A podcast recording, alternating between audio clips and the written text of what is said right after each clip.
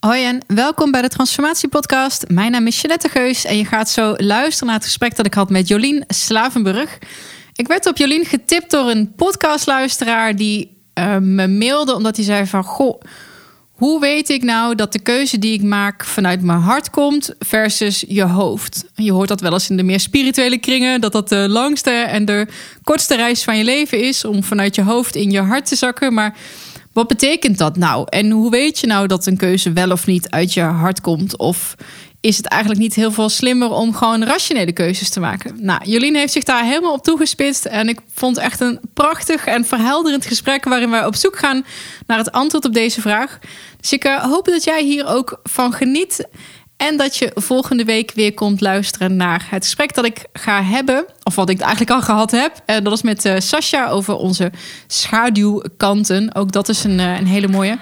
Ook deze is overigens in het pre-coronatijdperk opgenomen. Dus als je de foto ziet, geen zorgen. Ook ik blijf netjes op afstand. Maar toen mochten we nog gewoon gezellig naast elkaar staan.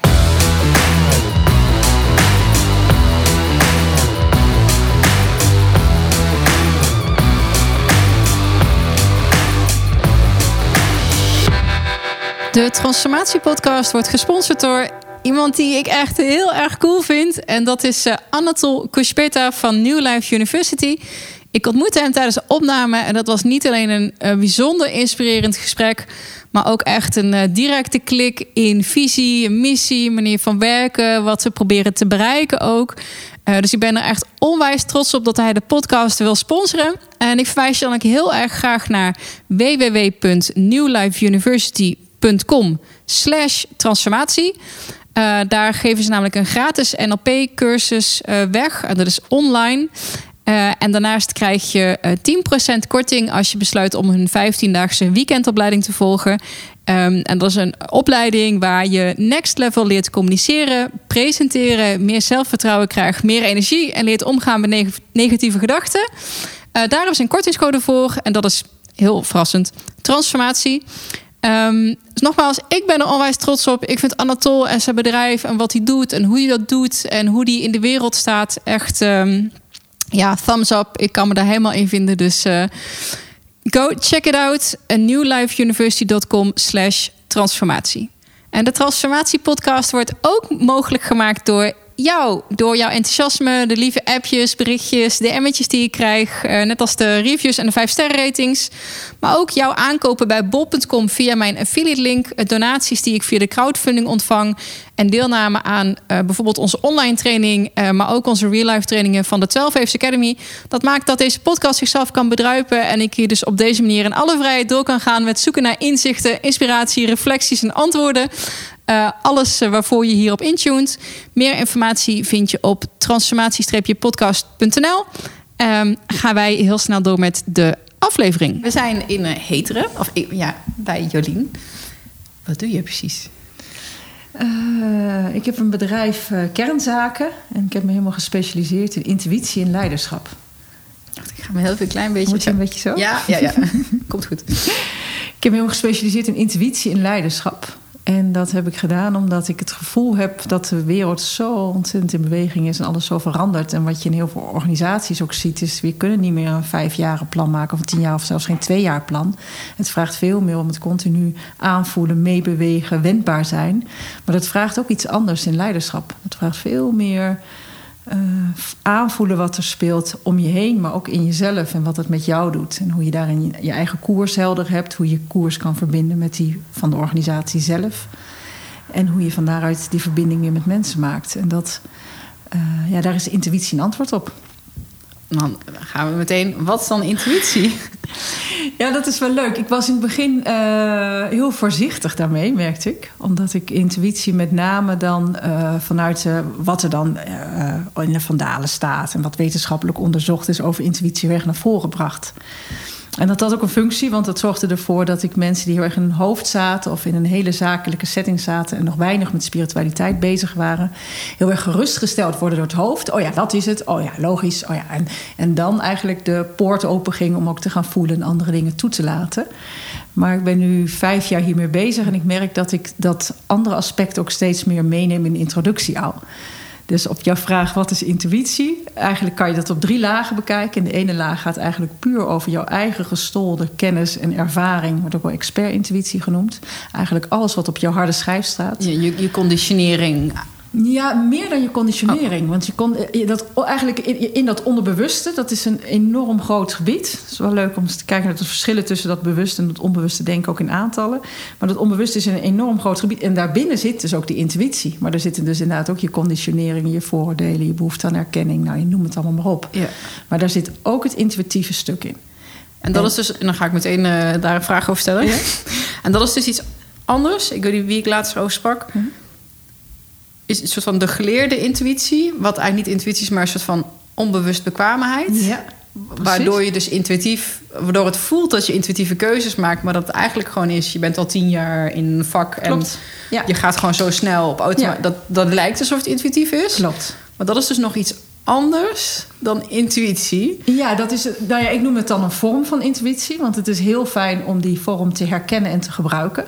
Want zeker mensen die veel in hun hoofd zitten, durven daar ook niet op te vertrouwen. En het is een enorme versneller. Maar het is inderdaad gewoon jouw eigen database die aanstaat. Ja. En, en dan daarnaast heb je natuurlijk het intuïtieve veld. Als je het over de field hebt, dat is waar we allemaal uit kunnen plukken. En als we willen vernieuwen en creatief willen zijn. eh, of inzichten willen krijgen die nog niet in onze eigen ervaring zitten opgeslagen, dan hebben wij daar allemaal toegang toe.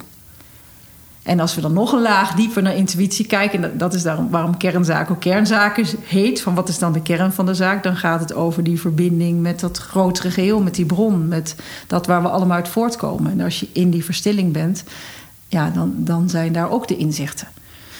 Maar daar kan ik geen heel mooi wetenschappelijk verhaal over maken, dat begrijp je. Nee, maar wel putten uit heel veel ervaring. ja. Ehm, want ik, ik, ik vind dat zo'n belangrijk iets, maar wat ik ook nog niet durf te omarmen, omdat ik nog denk: veld. Ga je, kom je zo meteen ook met quantum field aan, weet je? maar toch kom je daar dan wel weer op uit. Alsof je daar dan, waar, heb je enig idee waar die weerstand bij mensen vandaan komt? En je zei van, oh, die eerste vijf jaar vertelde ik dat ook niet. en nu nou wel. ja, ik herken hem in mezelf ook heel goed. Precies ja, wat ja, jij maar zegt. Zo van, ik, ik, er, ergens, ja. ik wil het dat het er is. En Mhm. ik, maar ik vind het ook een beetje spannend om dan te zeggen: oké, maar dan ga ik daar ook voor staan en dan dat ook helemaal durf te accepteren. Of Ja. zo. Ja, dat heb ik ook. En ik denk juist omdat het eigen kritische stemmetje zo sterk was, dat ik dat, ik dat ook heel erg hè, kon invoelen dat klanten dat hadden. Of dat nou wel of niet waar is, weet ik niet eens. Waardoor ik daar inderdaad voorzichtig in was. Omdat ik ben, van- is misschien wel grappig, ik ben van huis uit dramatherapeut. En in dramatherapie gebruik je vormen van theater om eigenlijk middels spelplezier tot heling te komen. En, en je rolrepertoire te verbreden en tot andere aspecten te komen. En wat ik daar heel erg geleerd heb, is van ga het er vooral nooit over hebben. Ga maar gewoon ervaren. Ja, dat, dat is wat net in mijn hoofd zit. Van, ik Ja. moet, dat is het, mijn, mijn weerstand. Ik moet het er niet over hebben. Ik Nee. moet het gewoon doen. Nee, Klaar. laten we het Ja. niet te veel over praten, heb ik ooit zoiets. Laten we het maar gewoon gaan Ja. doen. Dus ik weet nog heel goed, ik had mijn eerste baan in het militair hospitaal. En dan stonden er van, zulke militairen en veteranen. Die waren allemaal heel stoer. En, en, en ook natuurlijk heel erg beschadigd. Posttraumatische stressstoornis, uitgezonden geweest. En... eh, ja, en dan ga je een soort rare oefening doen. Dus het eerste wat natuurlijk gebeurt is dat iemand zegt... ja, maar hoezo dan? Of waarom? Of wat is het nut daarvan? Nou ja, alles wat natuurlijk opkomt... omdat het ongemakkelijk is om iets te doen wat buiten je comfort zit. Dus mijn gouden zin was altijd... weet je wat, we gaan het eerst even doen. En als je daarna die vraag nog steeds hebt... dan gaan we daarop verder op in. Nou, oké, dat was dan nog wel een deal. En dat hoefde daarna niet, want daarna kon iemand zelf vertellen... wat het gedaan of wat het raakte of wat de ervaring was... of dat er niks gebeurde, dat maakt eigenlijk Ja, niet zoveel ja, ja.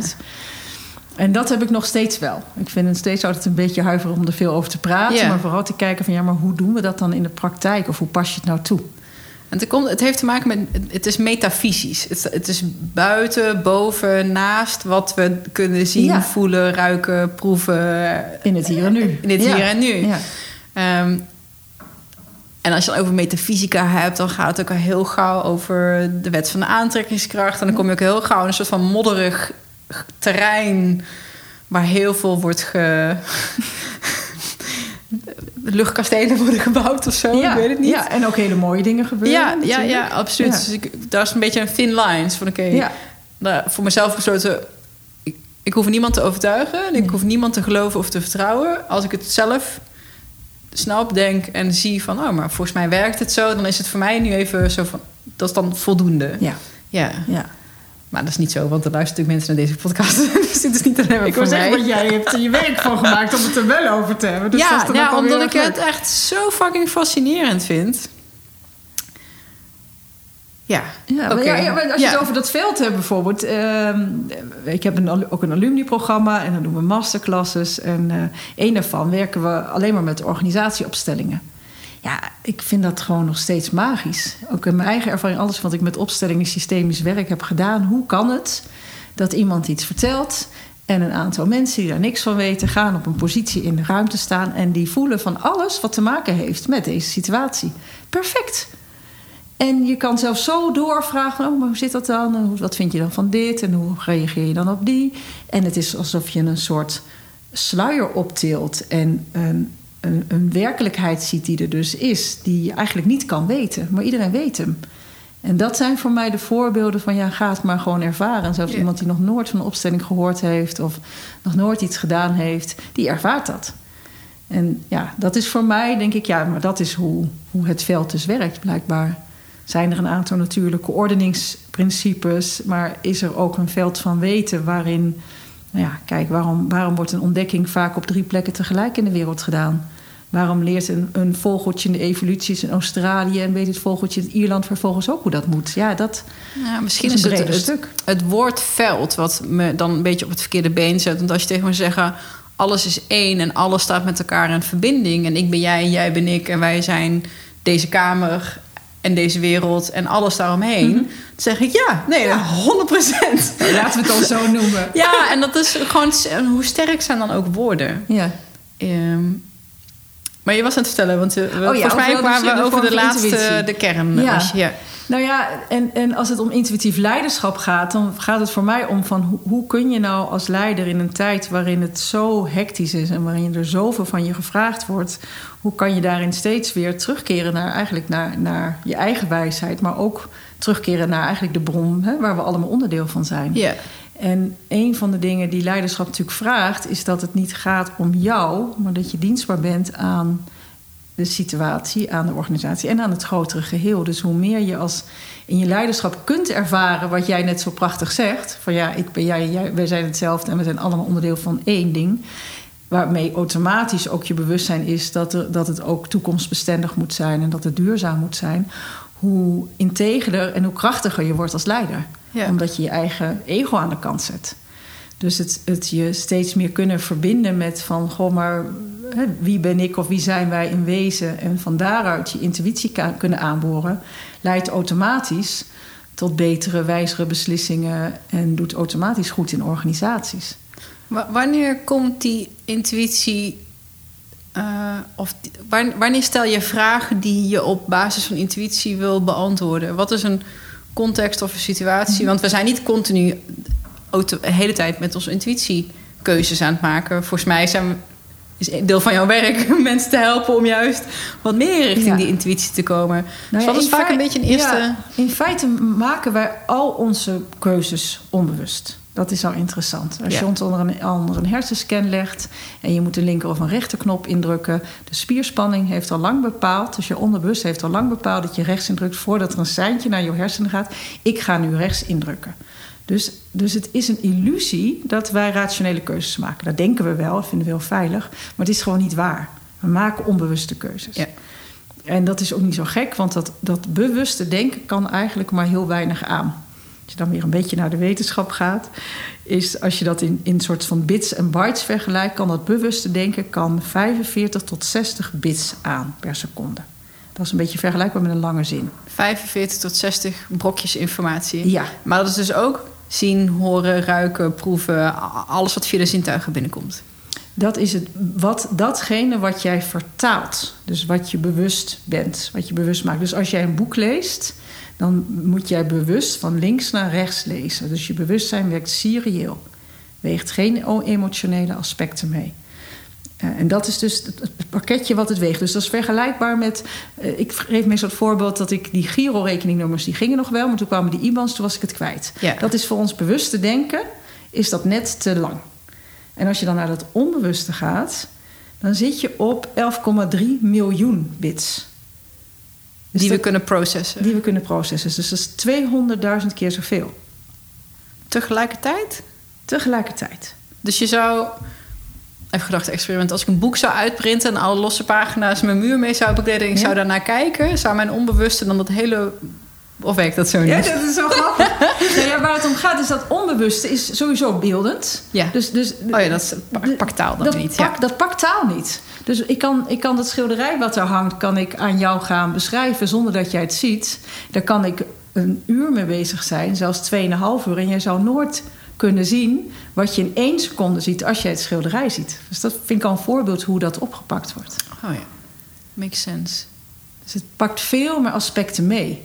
Ja. En wat dan interessant is als je het over intuïtie hebt, die in, dat intuïtieve zit daar doorheen. Dus op het moment dat wij. Uh, hè, we hebben elkaar alleen nog aan de telefoon gesproken, elkaar nog nooit ontmoet.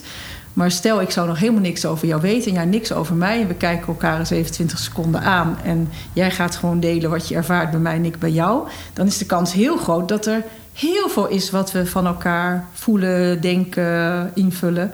En voor een deel is dat zitten mijn eigen biases in. Hè, want dat, dat hangt van alle met mijn eigen ervaringen samen. Maar voor een deel zou dat ook heel goed kloppen. Het tenminste een oefening die ik heel vaak doe met mensen. En dat is verbluffend hoeveel daar klopt. En wat laat je dan doen? Op, uh, iemand... vaak letterlijk dit. Ja? Ja, dus een vreemde. Dan geef ik een, een, lezing voor 200 mensen. Dan zeg ik, draai me om naar de persoon achter je. En stel je even voor. En, uh, kijk, en dan zeg ik, oké, okay, wees maar stil. Kijk elkaar even aan. En daarna, goh, vertel me wat jouw indruk van deze persoon is. En, maar ook misschien wat je denkt wat hij doet in het leven. Of hij gezin heeft of niet, of wat dan ook. Of wat hij belangrijk vindt. Ja, dat is verbluffend. Wauw, ja, cool. Ik zou het graag eens een keertje... ja, probeer maar eens uit. Ja, ja, ja. Echt ja. leuk. Dus, dus wij nemen zoveel op. Dat is natuurlijk ook de reden. Weet je, in een sollicitatiegesprek wordt ook de eerste 20 seconden... weet je al of je iemand wel of niet gaat aannemen. Ja, Bij een daten, eerste date ja, is het ook ja. zo. Je weet het en in die, eigenlijk in een split second al. En de rest ga je checken, verifiëren. En ga je ook kijken, zit er toch niet ergens... Hij kwam er toch niet uit die aannames voort... En dat is dus niet een soort van cognitieve dissonantie... dat ik op basis van, eh, stel dat het over date gaat... of zo'n staatsgesprek, dat je iemand ziet... dat je zegt aantrekkelijk, niet aantrekkelijk... of... Um, ja, ook. En, en, en dan daarna... Ja, oké. Okay. Dus het is allebei. Want, want ons, als je naar ons oerbrein kijkt... Uh, dingen die voor ons zeg maar veilig voelen... of niet het signaaltje gevaar geven... zullen wij eerder toelaten dan iets wat onveilig voelt. Dus wat is een reden waarom er gediscrimineerd wordt? Omdat we vanuit het oerbrein denken... oh, dat kennen we niet, dus dat moet op een afstand.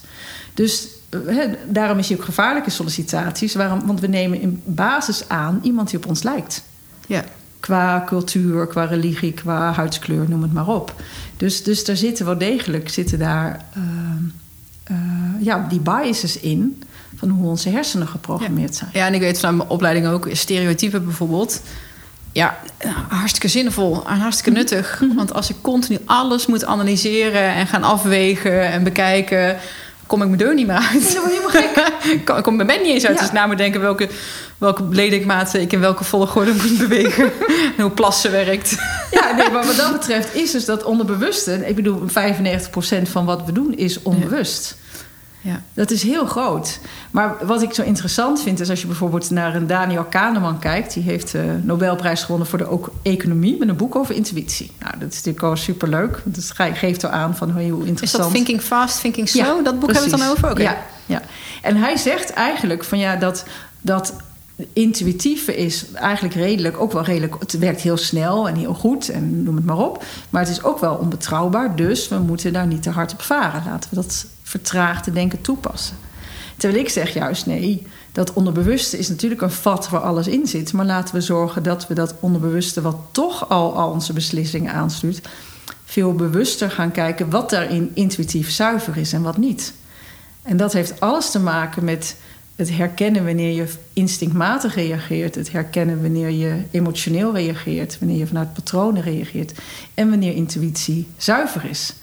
En oh, dat dan verschil noem je, gaan Dan herkennen. noem je een paar echt super interessante dingen. Misschien wil je ze nog een keer herhalen en verder, verder toelichten. Want je zegt, ja.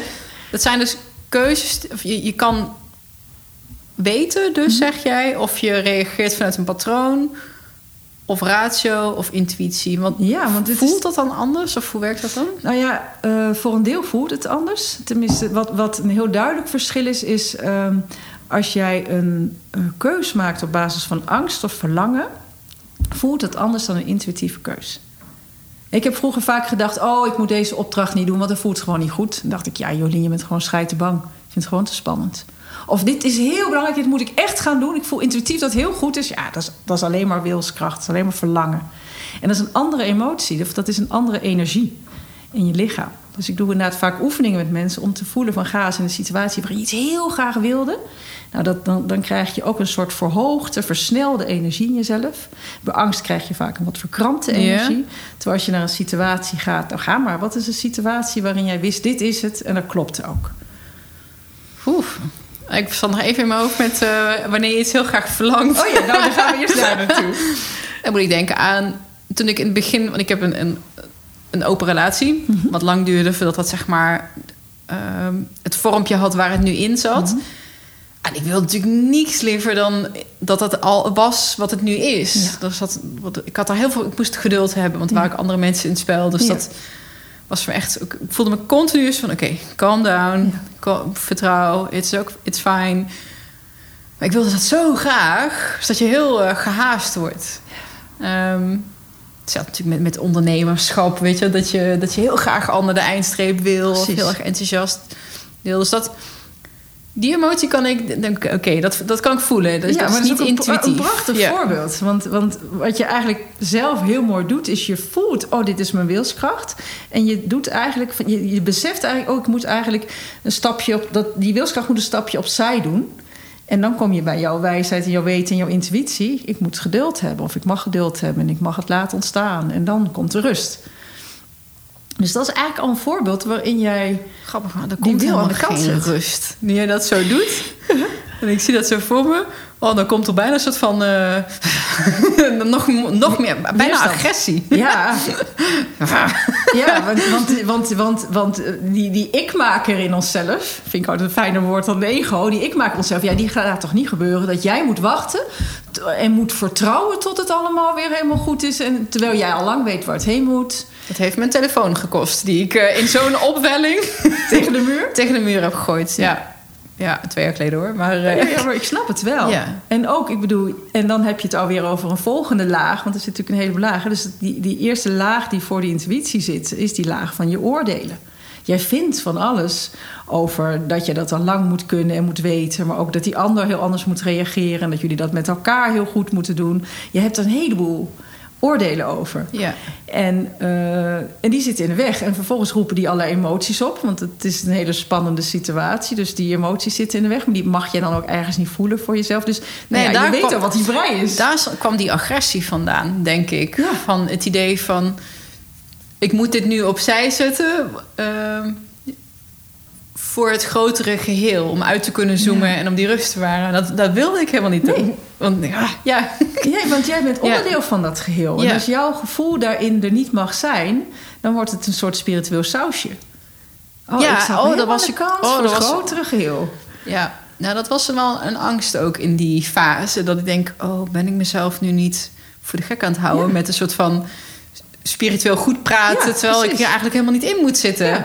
Dan is van, oh, dat is het hoofd? Of is het, wil ik dit wel echt? Is Ja. het mijn hart die dit wel echt wil? Nou, dat was verschrikkelijk moeilijk om erachter te komen. Of om dat spannend. tijd te geven. Hoe, hoe zie jij dat terug als je daar mensen in, in begeleidt? Is, is dat een soort van... Is er een, een standaard eh, afwikkeling die dan Mhm. plaatsvindt Mhm. of zo? Ja, ik, ik heb op een gegeven moment eh, de, het beeld van de ui gebruikt. Waarin, eh, als, als, dan, als je de ui afpelt, kom je bij de kern van de zaak. En dat is dus dat, dat intuïtieve weten. En wat zit daar dan eigenlijk voor? Hè? En dan is de meest buitenste laag is die laag van die, van die oordelen, van die aannames, van die gedachten. Ik vind dat zij me gewoon op moet schieten en er klaar mee moet zijn. Ja, ja, ja. Dus snappen ze het nou nog niet? Snappen ze nou nog niet. Ja. En ik doe zo mijn best. En ik ben toch hartstikke lief. Ja. ja, is Ja. nou no- nog nog niet klaar. Ja. Oké. Ja, en, en, en die gedachten die zijn al lastig. Maar vervolgens ga je waarschijnlijk ook denken... Ik, ach, Jeanette, ik moet er ook niet zo moeilijk over doen. Of ik moet ze tijd geven. Of ben je nou nog niet verder in je ontwikkeling... dat je daar nog steeds zo boos over bent. Mm, mm, mm. Dus dan gaat weer de, er komt de gedachte op de gedachte. En het wordt, wordt een brei. Ja. En een van de eerste dingen is dat we heel vaak niet eens realiseren... wat al die gedachten zijn.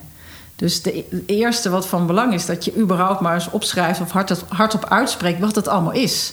Toch wel? Ja, Want ik heb er toen al over ondermee- getwijfeld. Zo van, oh ja, je wil het ook niet etaleren... want dan krijgt het een heel leven en dan is Nou ja, het er. Dat is interessant, want ga je het opschrijven of hardop uitspreken om er een verhaal van te maken en het een werkelijkheid te maken?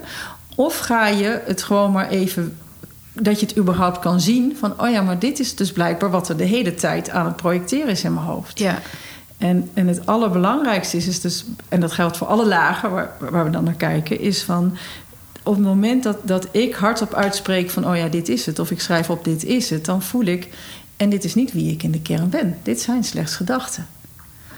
Dat zijn gedachten die iets oproepen. En dan kan ik naar de volgende laag. En dan adem ik door en dan denk ik, maar wat, wat, wat raakt dit nou in mij? Mm. En dan kom ik in de emotionele laag. En dan kom, kom je misschien eerst in verzet en een boosheid... en dan misschien in verdriet of, of niet ge- gezien voelen of een Ja. onveiligheid. ja nou, die, die komt daar inderdaad dan daarna. En daarna komt dan...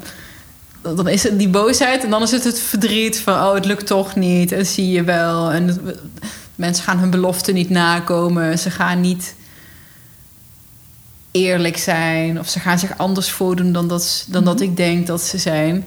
Maar wat je net vertelde van dat, dat opschrijven... ik moet meteen... Ik heb met een vriendinnetje van mij hebben een soort van afspraak... van als we in zo'n soort fase zitten... Ehm dus van app het dan naar mij, weet je wel, in plaats van naar de ander. Maar Ja, eigenlijk liever app het naar helemaal niemand. Ja. Dus soms schrijf ik het wel dingetjes op mijn telefoon, Ja? of in mijn boekje. En dan mezelf wel zo ver eh, ge- getraind bijna. Dan denk ik, oké, stuur het straks.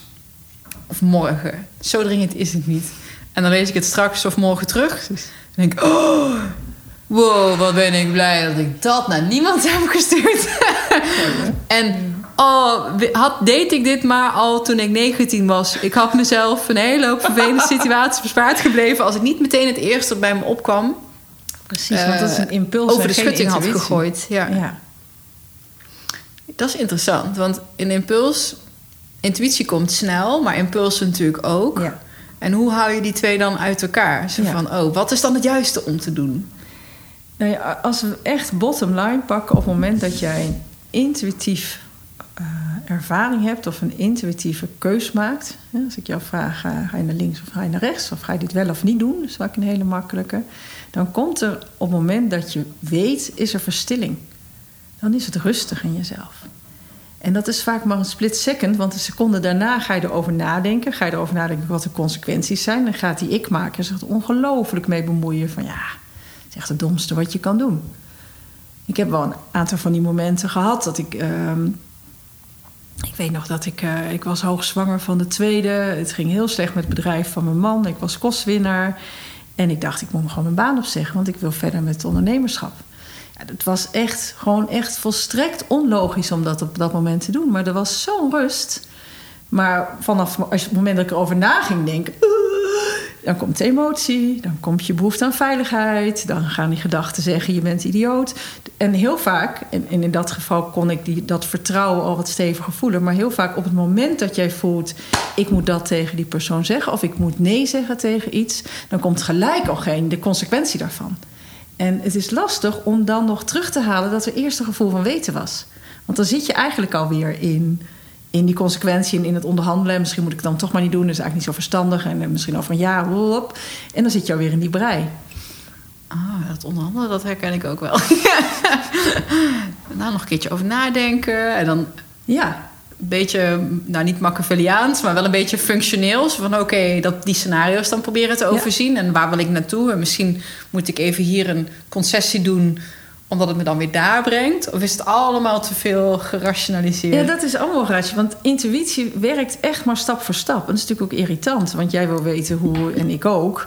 hoe iets dan over een maand, een half jaar en over twee jaar is. En Ja, leiderschap we dat helemaal bepalen. heel graag Ja, ja, weten. ja. Maar dat kan niet. Dus, dus wat helpt om je intuïtie veel meer te gebruiken... is te denken, oké, wat is nu mijn eerstvolgende kleine stap? En die voel je wel, die weet je wel. En op het moment dat je die zet, ontstaat er een nieuwe werkelijkheid. Dus op het moment dat jij voelt, ga ik dit berichtje wel of niet versturen? Nee, ik doe het niet, is een intuïtieve keuze. En daardoor ontstaat er weer een nieuwe werkelijkheid. Namelijk dat jij daar nog eens over na kan denken... of er wat bij kan voelen, of nog iets op kan schrijven... of afleiding zoeken, of maakt niet uit. Maar het helpt om je intuïtie bijna als een soort Google Maps te gebruiken... die wel zegt, ga hier naar links... maar jou misschien, omdat hij ingezoomd is, niet laat zien... wat Ja, het, het- ja, jouw totale reisroute gaat worden. dat wist ik niet. Dat dat zo... eh, dat intuïtie, dat is natuurlijk in het moment. Ja, Ehm, ik moet denken aan een boek wat ik nu aan het lezen ben... wat ook gaat over eh, consciousness. Een, een, een mystiek boek, eh, niet een wetenschappelijk boek. En die zegt ook, dit, eh, het unconscious is ook... ehm, dat, dat heeft geen moraal. Dat is niet bezig met Ja. wat wij willen... of wat Klopt. goed is of wat slecht is. Ja. Dat, dat is Ja. gewoon alles. Ja. Ehm, dus je, je, dat, dat, dat is niet in our best interest. Dat is gewoon. klopt. Toen dacht ik, oh ja, oh ja, dat is interessant. Overigens, wat hij ook zegt, dan moest ik het ook aan denken. Vertelde dus dat het, je het kan zien, je onbewuste, je bewuste. En die, die metafoor had ik ook nog nooit gezien als een boom en een tak. Dus dat eh, het onbewuste is de boom. Ja. Jij bent een vertakking. Maar die sappen door die, door die boom en die tak eh, stromen. Mhm. Dat is dus het, het onbewuste wat ook via jou die tak dan weer voedt. Precies. Ja, Ehm, prachtig. Ja, want je, vaak hoor je de zee en de druppel en water. En Ja. Ah, die had ik nog niet gehoord. Zo van, en, ja, die zitten aan elkaar vast. Ja. Mooie metafoor, ja. Ja. ja. Ehm, oh, maar dat is wel echt heel verhelderend. Als je dat zo... Maar kan je dat dan nog... Want hoe doe je dat dan als je wel die lange termijn plannen hebt? Als je wel zegt van oké, als ondernemer of als niet-ondernemer... eh, ik wil hier over twee jaar staan. Of ik wil me daar naartoe ontwikkelen, groeien. Nou ja, wat, wat dan helpt is... eh, want in tijd is, tijd is natuurlijk ook een illusie. Dus je kan intuïtief ook prima aanvoelen hoe iets over twee jaar is. Dus iets wat ik heel vaak bij mensen doe is van... oké, l- vertelt nou... eh, je, je hebt eigenlijk nog niet precies een idee. Stel, je hebt nog helemaal niet precies idee... hoe die gewenste toekomst er dan uitziet... maar wel een beetje wat je niet meer wil. En... ehm, en dat is gewoon de wondervraag, het oplossingsgericht werken. Stel, je wordt, eh, eh, je wordt morgen wakker en er is een wonder gebeurd. En het heeft gezorgd dat je alles weet wat voor jou van belang is. En het geeft precies de antwoorden over hoe jij jouw leven dan eruit ziet. Ik noem maar even wat. En, maar ja, dat weet je niet, want je sliep. Dus eh wonder is gebeurd. En, en, en, maar wat is het eerste moment als je wakker wordt waarop je merkt... hé, hey, wauw, het is iets anders. En dan begin je dus net zo klein. Dan begin je met, oh, ik word wakker en ik merk dat het rustig is in mijn hoofd. En eh, oké, nou, wat, is er dan als het rustig is? Wat maakt het dan mogelijk? Ja, oh ja, dan merk ik dat ik eh, nog even, ik, blijf, dat nog even in bed blijf liggen. En ik ga daar naar douchen, er is veel meer rust. Oh, nou, ik lekker aan het douchen. Wat komt er daarna? En dan kan je dus eigenlijk diezelfde stap voor stap intuïtie inzetten. En dus facetten van die eh, toekomstige zelf gaan ervaren. En stel jij zegt van nou, ik, eh, ik, ik heb bijvoorbeeld drie toekomstscenario's en die heb ik al best wel een beetje uitgekristalliseerd, maar wat wordt het nou? Dan, dan kunnen we één voor één in die drie scenario's gaan stappen. En dan gebruik je dus je zintuigen weer van oké, maar wat voel je dan? Wat ervaar je dan? Hoe loopt dan de interactie met een ander? Waar word je dan blij van? Dus dan zet je eigenlijk je intuïtie net zo in als in het hier en nu, als je het maar stapje voor stapje doet. En in ieder stapje ga je opnieuw weer voelen Oh ah nee, dit is het eigenlijk niet. Oh nee, ik merk als ik het zo ga doen, oh, dit is eigenlijk heel vermoeiend. Ik dacht dat dit heel interessant was, maar nu ik het hier aan het doen ben, voel ik dat dit heel vermoeiend is. Dat het eigenlijk helemaal niet zo leuk is. Oh, interessant. Even terug. Nou, naar een ander scenario of je kunt in dat scenario een afslag nemen. Voel eens, want je hebt net verteld dat je je passie merkte of dat je meer geld verdient of weet ik wat. Wat zou dan iets kunnen zijn waardoor het niet meer vermoeiend is? Check eens eventjes. En dat kun je allemaal beleven. Je kunt zo in de film van je eigen leven stappen. Op welk moment dan ook. Ik vind het zo vet dat gewoon een paar van dat soort vragen... zoveel radertjes ook in beweging kunnen zetten. Ja, dat is, dat is fantastisch. Ik heb zo vaak, ook als ik een sessie één op één met mensen werk, dat, dat, dat ik deze vraag stel. Dat we gewoon anderhalf uur alleen maar daarmee bezig zijn. Dat iemand zegt: Ik heb nu mijn complete gebruiksaanwijzing hoe ik met mijn leven om wil gaan. Ja. Want die wijsheid, en dan zit iemand gewoon anderhalf uur met zijn ogen dicht en ik neem het op of ik schrijf mee. En je weet het allemaal al lang. Alleen wat je doet is doordat je eigenlijk die, die hoe-vraag uitstelt en dat hoofd een beetje rustig maakt, tap je gewoon in op je eigen wijsheid. Ja. En is dat dan intuïtie? Want je zei het, hè, intuïtief weet je dat. Is dat Ja. het stukje intuïtie van ik weet wat, wat goed voelt en wat niet? En in gedachte-experiment, want eigenlijk is het een gedachte-experiment, eh, een visualisatieoefening. Ja, En in die oefening kan ik ervaren: oh, dit voelt onrustig of vermoeiend, of ik word hier blij van. ja. ja, dat is in ieder geval weten. Weten wat voor jou goed voelt. Ja. En, en dat is wel interessant, als we het straks hebben nog even over die lagen, maar ook over intuïtie en die bron. Is, is intuïtie help je in eerste instantie om te voelen wat past voor mij. En dat moet ook wel, want je moet jezelf in alles meenemen. Als jij jezelf niet in de spiegel kan aankijken of het voor jou niet klopt, dan klopt het gewoon niet. Klaar. En tegelijkertijd, als we intuïtie aan leiderschap koppelen, kan intuïtie ook egoïstisch zijn. Want het kan heel goed dat je met elkaar in het team zit. En mijn intuïtie zegt dat we het vooral niet moeten doen. En jouw intuïtie zegt dat we het vooral wel moeten doen. Dat is allebei geen waarheid. Dat is allebei wat voor ons op dat moment goed is. Of wat we denken dat goed ja, is. want is intuïtie dan in my best interest? In, in Precies. zo'n geval. Ja. En niet de best interest van Ja. wij allemaal samen. Ja, en daarom is het zo, zo belangrijk om in, in organisaties en in leiderschap, en organisaties kan ook in je gezin zijn, om het altijd te koppelen aan, ik noem dat dan de wij-intentie. Dus wat is goed ook voor mij, de, de ander, het grotere geheel, dus de langere en de langere termijn. En, en dat is natuurlijk de verantwoordelijkheid die je als, als ondernemer en als leider in een organisatie hebt, om altijd dat grotere geheel mee te nemen. Dus dan kan je kijken hoe kan ik mijn intuïtie ten dienste stellen van dat grotere geheel. Ik ging er denk ik onbewust vanuit. Ik deed de aanname dat, dat onze intuïties voor ons samen allemaal wel hetzelfde goede zou willen. Nou ja, het raakt natuurlijk heel dicht aan, aan waarden, aan kernwaarden. Ja. Dus, dus hoe beter je ehm, in je leiderschap zowel je eigen kompas, je eigen purpose goed weet, als de purpose van, van de onderneming of de organisatie, of wat dan ook, wat dan ook hetgeen is wat je als systeem bij elkaar brengt, eh, hoe makkelijker het is om van daaruit intuïtief te voelen wat een goede stap is. Wat in zo'n geïsoleerde oefening is dat natuurlijk. Nou ja, makkelijk wil ik het Relatief niet zeggen, ja. maar relatief Ja, eh, makkelijk. Ik Ja. probeerde mezelf al voor te stellen van... oké, hoe zou ik dat dan doen in het moment? Mhm. In een vergadering met ons team? Of avondje met mijn familie? Geen, dat kan natuurlijk Mhm. van alles zijn. Maar hoe... Ja, is dat gewoon alleen trainen? Of zijn er ook wel dingen die je, waar je jezelf Mhm. Op kan spotten, wil ik bijna zeggen. Of om jezelf bij de les te houden. Of misschien ook niet het goede woord, want dat is ook weer rationeel. Maar hoe zorg je ervoor dat je, die in- dat je meer op die intuïtie kan varen, ook als het druk is en, Mhm. en het heel verleidelijk is om in het rationele. Want ondernemerschap Ja. is natuurlijk probleem oplossen, rationeel. Is het altijd wel een beetje in die. Ja, probleem, stuk? maar doe het vooral hier, dat probleem oplossen, en niet hier. Ik ga binnenkort iemand interviewen en die heeft een boek geschreven over dat. ehm, ik weet even de exacte titel niet, maar basically is de stelling: intuïtie is gewoon kut. Oh, heel interessant. ja, en je moet vooral als leider niet op je intuïtie vertrouwen, want je gut feeling is gewoon bagger. Ja. Ik heb zijn boek, ik heb de PDF wel, we moeten nog eh, spreken. De Disaster Expert is die volgens mij, de Disaster Consultant. Gaaf. Ja. Ik vermoed dat dat gaat over. Dus dat je je, je onbewuste bekwaamheid. En dat, Mhm. dat iets anders. Dat, dat dat beter is voor een leider. Ja. Om keuzes op te maken dan om een, een intuïtieve spur of the moment. Te nemen. Nou ja, ik snap, ik snap natuurlijk heel goed dat iemand dat eh, zegt. Want dat is zelf natuurlijk wat Kahneman zegt. Dat onderbewuste is ook gewoon... Er zit zoveel in. Ik bedoel, we zijn er al even over aan het praten. We kunnen er nog heel veel meer over zeggen. Wat er dus allemaal gebeurt op het moment dat jij een keuze moet maken... of een, eh, in, met iemand in interactie bent. Wat een vat aan, aan, aan emoties, aan patronen, aan geschiedenis aangaat. Want als ik terugga naar jouw voorbeeld over je relatie... En ik had het over een laag dieper zakken naar je emotie. En je zei, en dan kom ik bij verdriet.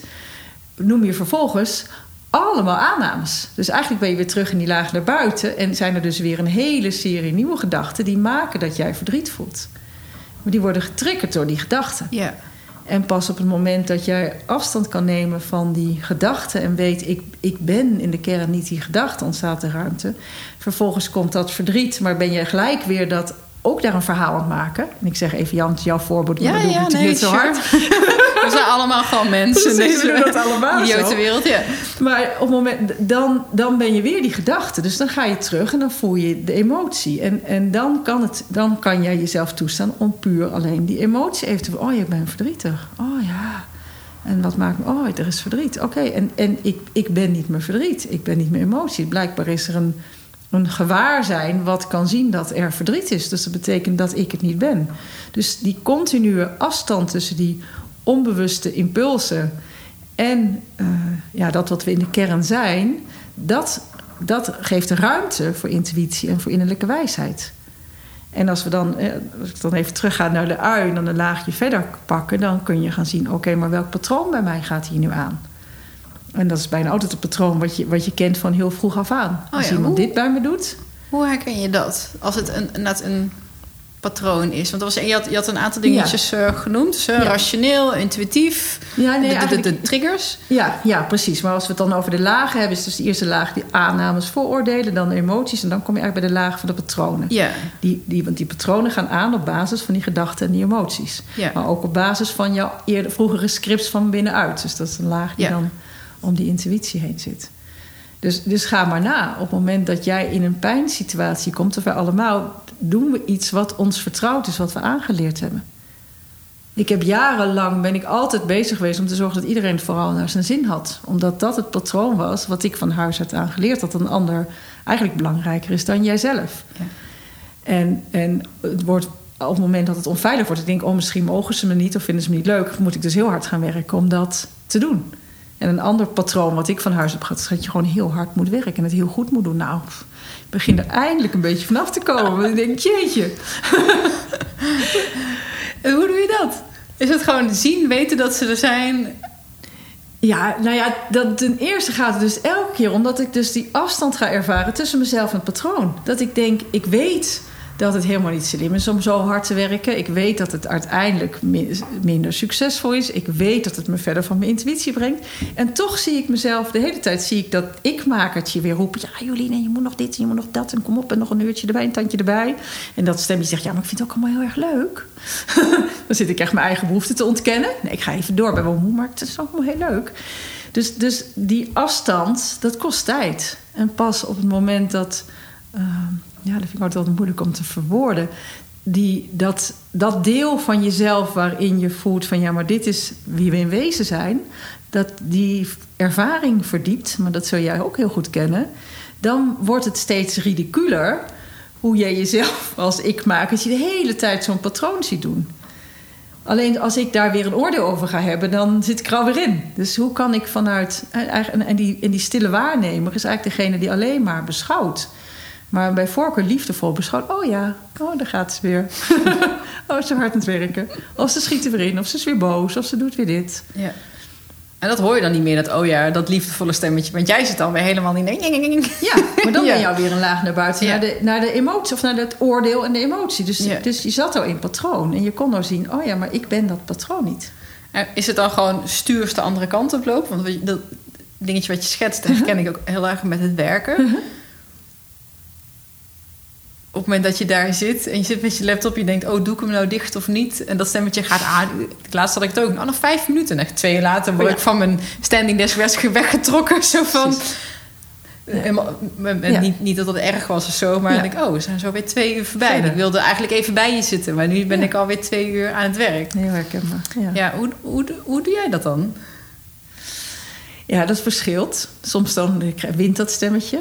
Ja, ik ben zo lekker bezig. En dan is het op dat moment ook flow. Dan is het ook fijn. Maar inderdaad, de, de prijs is dat je niet bij je geliefde bent... of, of mijn kinderen bent, of eh, s s'avonds moe bent... terwijl ik me voorgenomen had om wel het boek te gaan lezen... of te gaan sporten, of wat dan ook.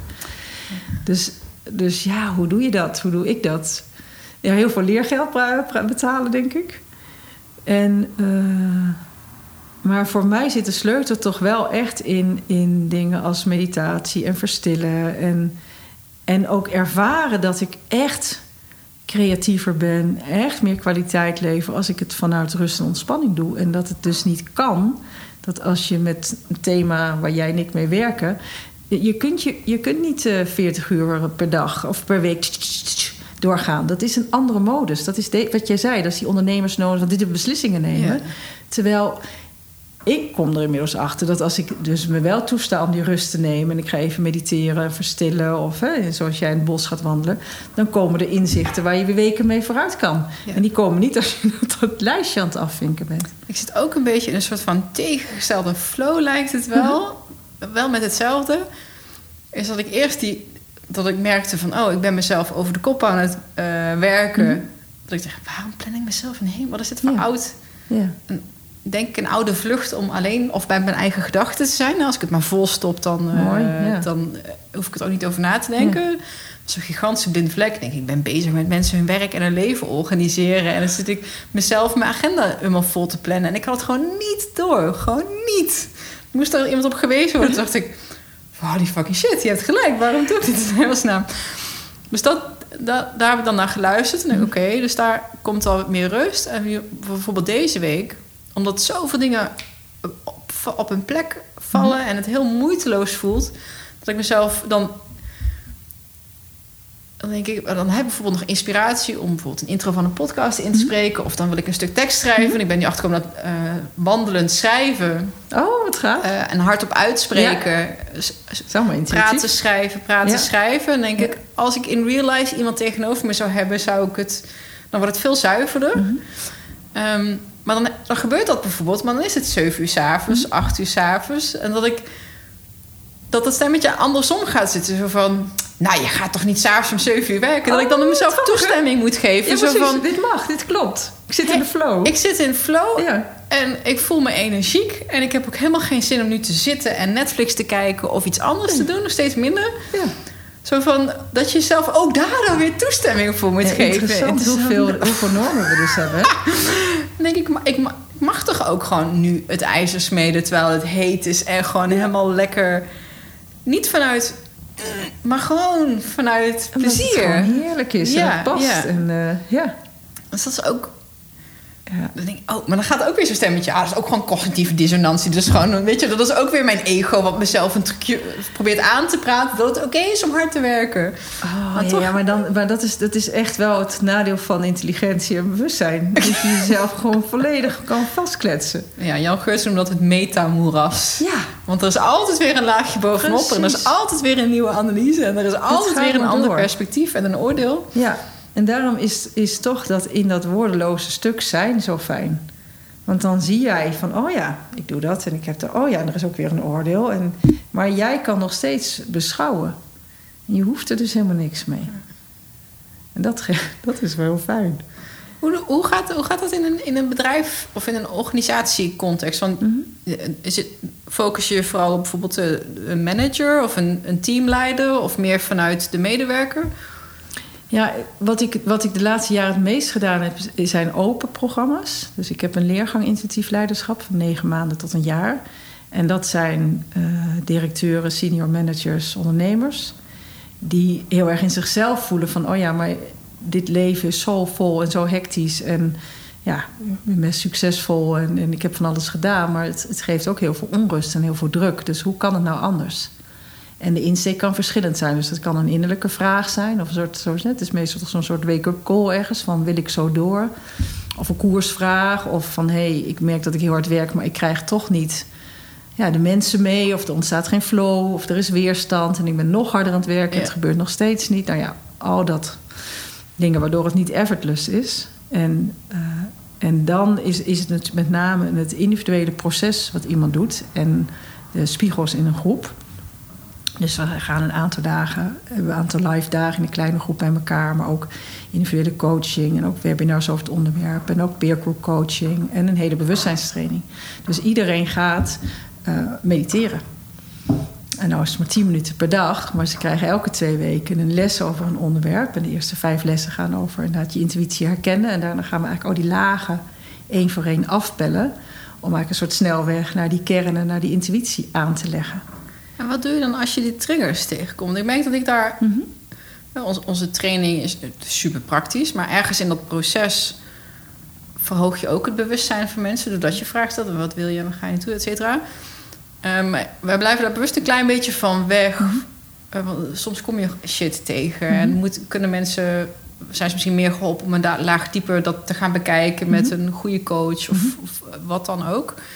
Ehm, want we hebben allemaal triggers en, en vervelende patronen. Hoe, hoe pak jij dat aan? Of, of Ja, is dat niet zo erg als dat gebeurt? Nee, helemaal niet. Nee. Dus dat, dat is ook, er ontstaat, nou ja, één op één gaat het, is dat sowieso al helemaal prima. In de groep is er ook zo'n veiligheid dat we gaan op een gegeven moment ook echt naar wat zijn nou echt jouw diepste angsten. En, en omdat de setting veilig is eh, om, en we het verbinden aan en wat is dan echt jouw purpose? Waar, waar, waarvoor ben jij hier? En, als, en hoe, hoe groter het verlangen is om te voelen van ja, maar wie ben ik en wezen en wat wil ik hier doen? Hoe ehm, ja, logischer ook wordt om ook te kijken, oké, en wat is dan hetgeen wat mij daar steeds klein in houdt? En dan is het fantastisch om te zien hoe mensen elkaar daarin spiegelen en hoe ze ervaringen opdoen. En ja, hoe we een setting kunnen creëren en oefeningen kunnen creëren waarin dat zichtbaar wordt. Een hele stomme vraag misschien, maar kan je iets fout doen op het moment dat je die ui aan het afpellen bent en je zoekt die stelling op en je wil intappen in het grotere geheel? Kan daar ook iets mis in gaan? Of kan je intappen in iets wat niet oké is? Nou, ik denk op het moment dat je, dat je veel meer in de, in de hoek zou zitten van het. eh, als je het over dat intappen hebt. eh, van, van, van, van werken met overledenen of weet ik veel wat. Hè, dus veel meer met entiteiten zou gaan werken. Dat vraagt een heel, heel ander gebied. Maar dat is niet wat wij hier doen. Het gaat eigenlijk alleen maar om hoe kun je steeds meer samenvallen met wie, wie je wezen bent. En daarin kan nooit iets misgaan. Je kan je angsten tegenkomen. Je kan eh, in verwarring raken. En ik meestal als we in verwarring raken, nou gefeliciteerd, want die ikmaker, eh, die weet het ook even niet meer. Ja. Dus ik- nee, ik denk, niet, ik denk dat er nooit iets mis kan gaan. Wat, Ja, wat is misgaan? Wat zou ja, er mis nee, ja, soms vraagt iemand me dat. Of, ehm, De grootste angst is de angst voor de angst bij ieder mens. Dus op het moment dat je je angsten aan kan kijken of op de thee kan uitnodigen en door kan ademen, dan stopt het meestal ook. Ja. Had een vrouw in de groep en die eh, had een hele sterke band met een familielid. En haar grootste angst was dat het familielid overleed. Want ze dacht, ja, maar dan kan het niet meer. Die is pas overleden. Ze zegt, ik heb nog nooit zoveel rust gehad. Ja, natuurlijk kan ze het zelf. Wat, wat was voor jou, want je zei het al, die, toen je de switch maakte naar het ondernemerschap, was, wa- waar komt deze interesse vandaan?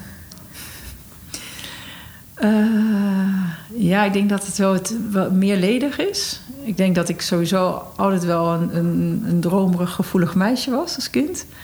En intuïtief. Eh, en creatief. Eh, ik wist ook al heel jong van, oh ja, ik, ik, en ik wist al jong, ik wil iets met mensen helpen. En toen kwam ik dus, eh, nou ja, ga je dan psychologie studeren of wat ga je doen? En toen kwam ik dus op dramatherapie, omdat ik dacht van ja, het gaat ook om dat creatieve stuk. En het, gaat niet, het moet niet te cognitief zijn en het moet niet te talig zijn. Het gaat er juist om dat je hoofd, hart en handen met elkaar gaat verbinden. En dat je in de ervaring gaat ontdekken. Dus die opleiding sloot daar voor mij naadloos bij aan.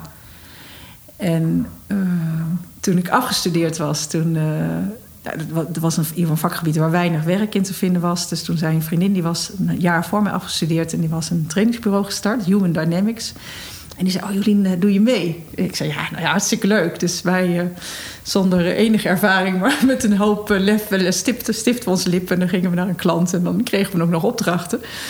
Dus dat was heel leuk om te doen. Maar toen kreeg ik al vrij snel een baan aangeboden als dramatherapeut in het militair hospitaal. En ja, dat was wel wat ik het liefste wilde. Omdat ik echt met mensen de diepte in wilde gaan en die beleving in wilde gaan. En, en, en werken aan hoe kun je nou in een vreemde eet als de, psychiatrie, waar het heel erg gaat over ziektebeelden en, en, en, en, dus copingmechanismen. Gewoon, nou ja, wij zijn allemaal mensen en wij zijn allemaal ergens beschadigd. En hoe kun je dat stukje wat niet beschadigd is uitvergroten? Dat is eigenlijk het enige waar het over ging.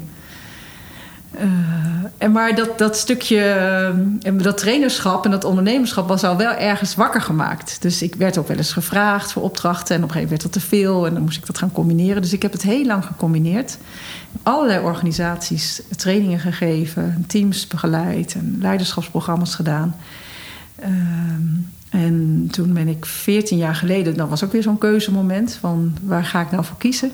Was zwanger van de tweede en ik dacht, ja, ik heb gewoon drie banen, dit werkt gewoon niet meer. Nou ja, dan is ook maar weer naar binnen gaan en voelen, oké, wat, wat raakt nou het meest? En toen dacht ik wel, ja, dat ondernemerschap, die mogelijkheid om met iedereen samen te kunnen werken en zelf dingen te kunnen creëren. En, dus ik was op mijn vak nog lang niet uitgekeken, maar dat je in zo'n kader zit waarin je altijd onder de psychiater en de psycholoog valt. En in je eigen hokje kun je de mooiste dingen doen, maar het, het hokje wordt niet groter. En het ondernemerschap is natuurlijk ja, een soort van grenzeloos. Dus toen ben ik daarmee gestopt.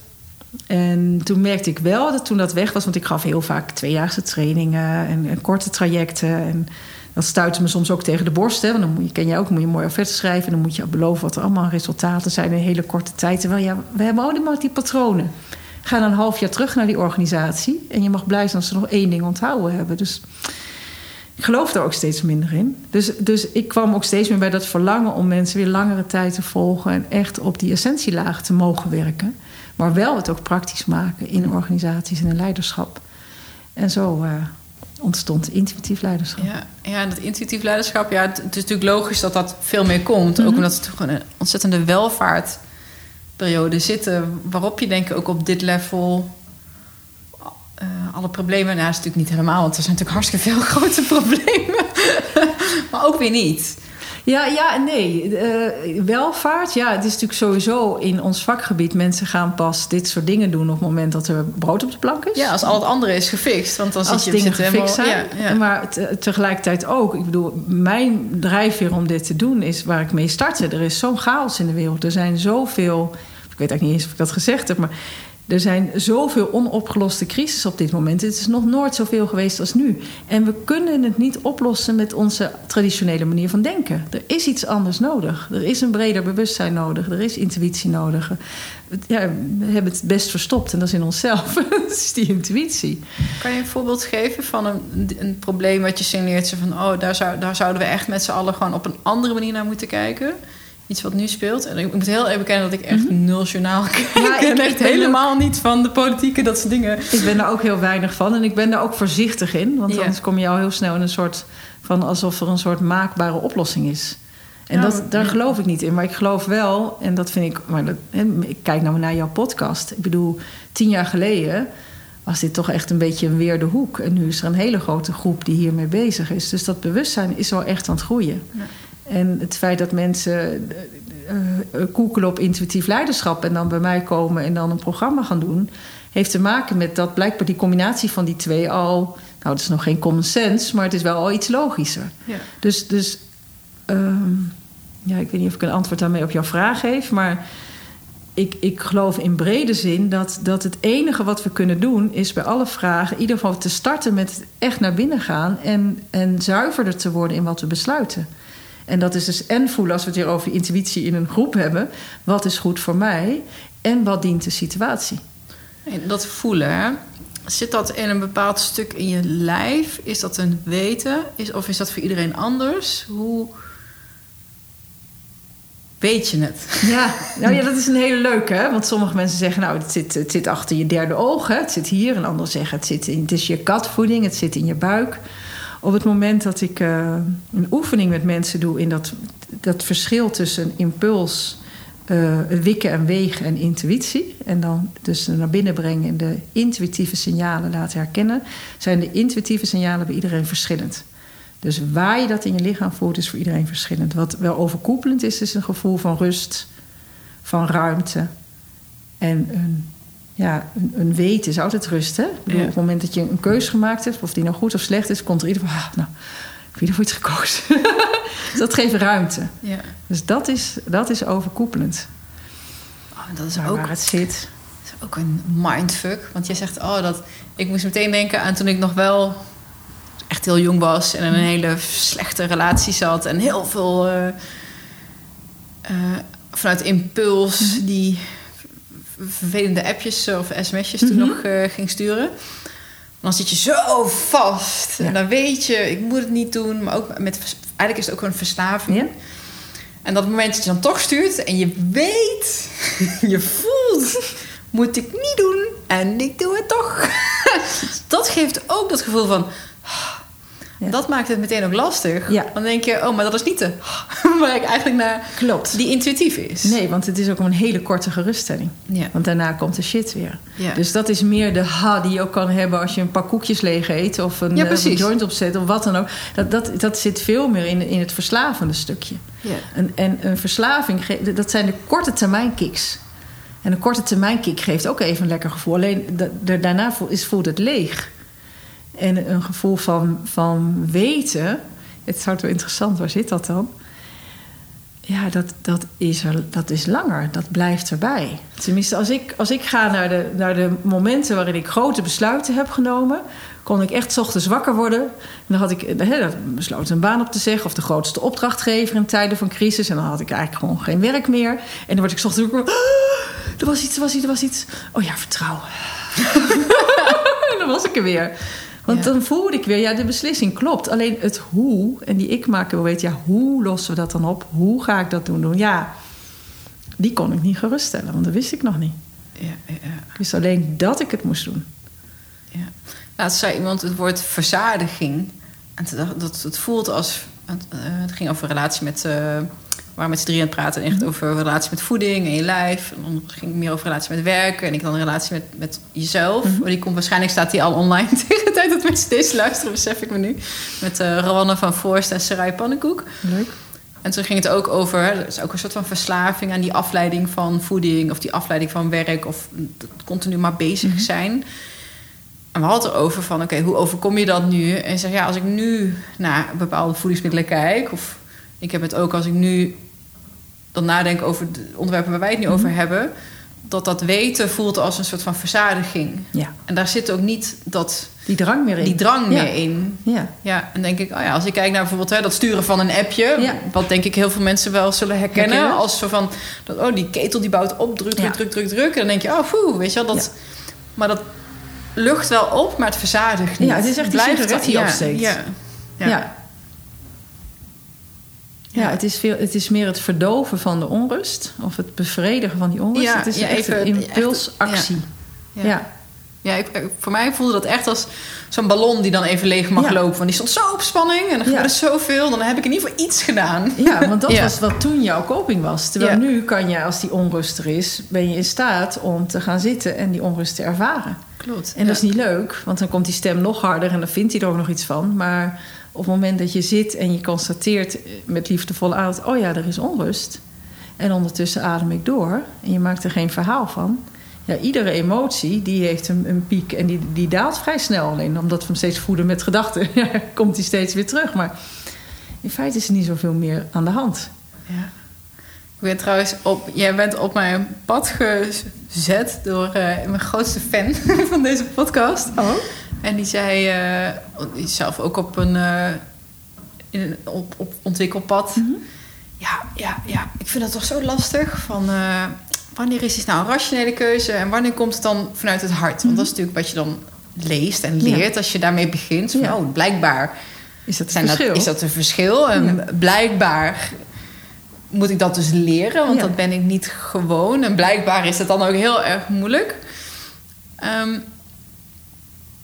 wat zou voor iemand die op dat punt staat, nog een beetje in het begin, oh, ik heb dat wel eens wat van gehoord, intuïtief versus hard. Wat zou een eerste hulpmiddel of eerste tip of eerste inzicht of contemplatie of iets wat je zou willen geven? Zo van, oh, ben hier maar even mee. Nou, wat, het eerste wat bij me opkomt is, en dat is een hele leuke, en zeker als het beginnend is, is het makkelijkst om die met iemand anders te doen. Is je hebt, hebt een vraag inderdaad. Hè? Doe ik A of B, of doe ik iets wel of doe ik iets niet? En eh, nou, ga met iemand zitten, partner, goede vriend of vriendin. En eh, kies letterlijk die twee posities op de grond en ga eerst staan in ik doe het niet. Of ik doe A. En, en ga gewoon maar praten, maar ga niet alleen. Ga dus niet analyseren, want zo, zo, zo. Maar zeggen, ik doe het niet, want het voelt niet goed. En als ik dit hardop uitspreek, dan merk ik dat mijn stem een beetje samenknijpt. En, uh, Oké, ja, want als ik het niet doe, ja, dan heb ik ruimte voor dat. En elke keer als je naar hier gaat, zegt die ander even zakken. Even zakken. Als je, en je wijst nu naar je Naar je hoofd. hoofd. Als, Als als je, je te veel gaat- rationele dingetjes gaat ja, dus zodra je weer gaat analyseren. Want als ik dit namelijk niet ga doen... eh, het is namelijk niet slim om te doen... omdat ik namelijk al weet dat er dat en dat en dat kan gebeuren. Want ik heb een keer eerder dat gehad en toen gebeurde zus en zo. Dan ben je aan het analyseren. Dus het gaat om het terug te zijn. En het gaat erom dat je... ehm, doordat je hardop uitspreekt... dat is hetzelfde als als jij met een goede vriend of vriendin in de kroeg zit... en die kan echt goed luisteren. Nou ja, op het moment dat je uitspreekt denk je ineens... oh, wacht, zo zit het in elkaar. Puur omdat je het stem geeft. Dus, dus omdat het onderbewuste juist ook in dat niet-talige gebied zit... helpt het om dat onderbewuste taal te geven. Dat helpt om het weer te snappen, als het ware. Dus dat doe je bij A en dan, en dan stap je even in het midden... weer in een neutrale positie en dan ga je op de andere kant staan. Ik doe het wel. Gewoon letterlijk een kruisje op de vloer. Ja hoor, en gewoon, zegt, of gewoon een stap naar links en naar Ja, rechts. zo simpel is het. En dan doe je het andere. En het, mooiste voorbeeld vond ik... Ik gaf, vorig jaar een, eh, was een keynote speaker op een congres... en ik gaf daarna een workshop. En het waren allemaal wetenschappers die extreem in hun hoofd zaten. En één vrouw was docent. En die zei... Ja, ik heb een hele. Want niemand, oh, niemand had ook een casus, want het was allemaal ingewikkeld en spannend. Ze zei: Ja, ik heb wel een casus. Ik, ik, ik ben docent. En ik, moet ik nou wel of niet persoonlijke voorbeelden gebruiken in, in ehm, dat wat ik de studenten leer? En ehm, toen zei ik, nou prachtig, laat maar even gaan kijken. En toen zei ze ook nog, ja, want als ik vroeger kijk wie mij het meest inspireerde, waren het wel docenten die dat deden. Maar eigenlijk vind ik toch dat het niet kan. Nou, heel interessant.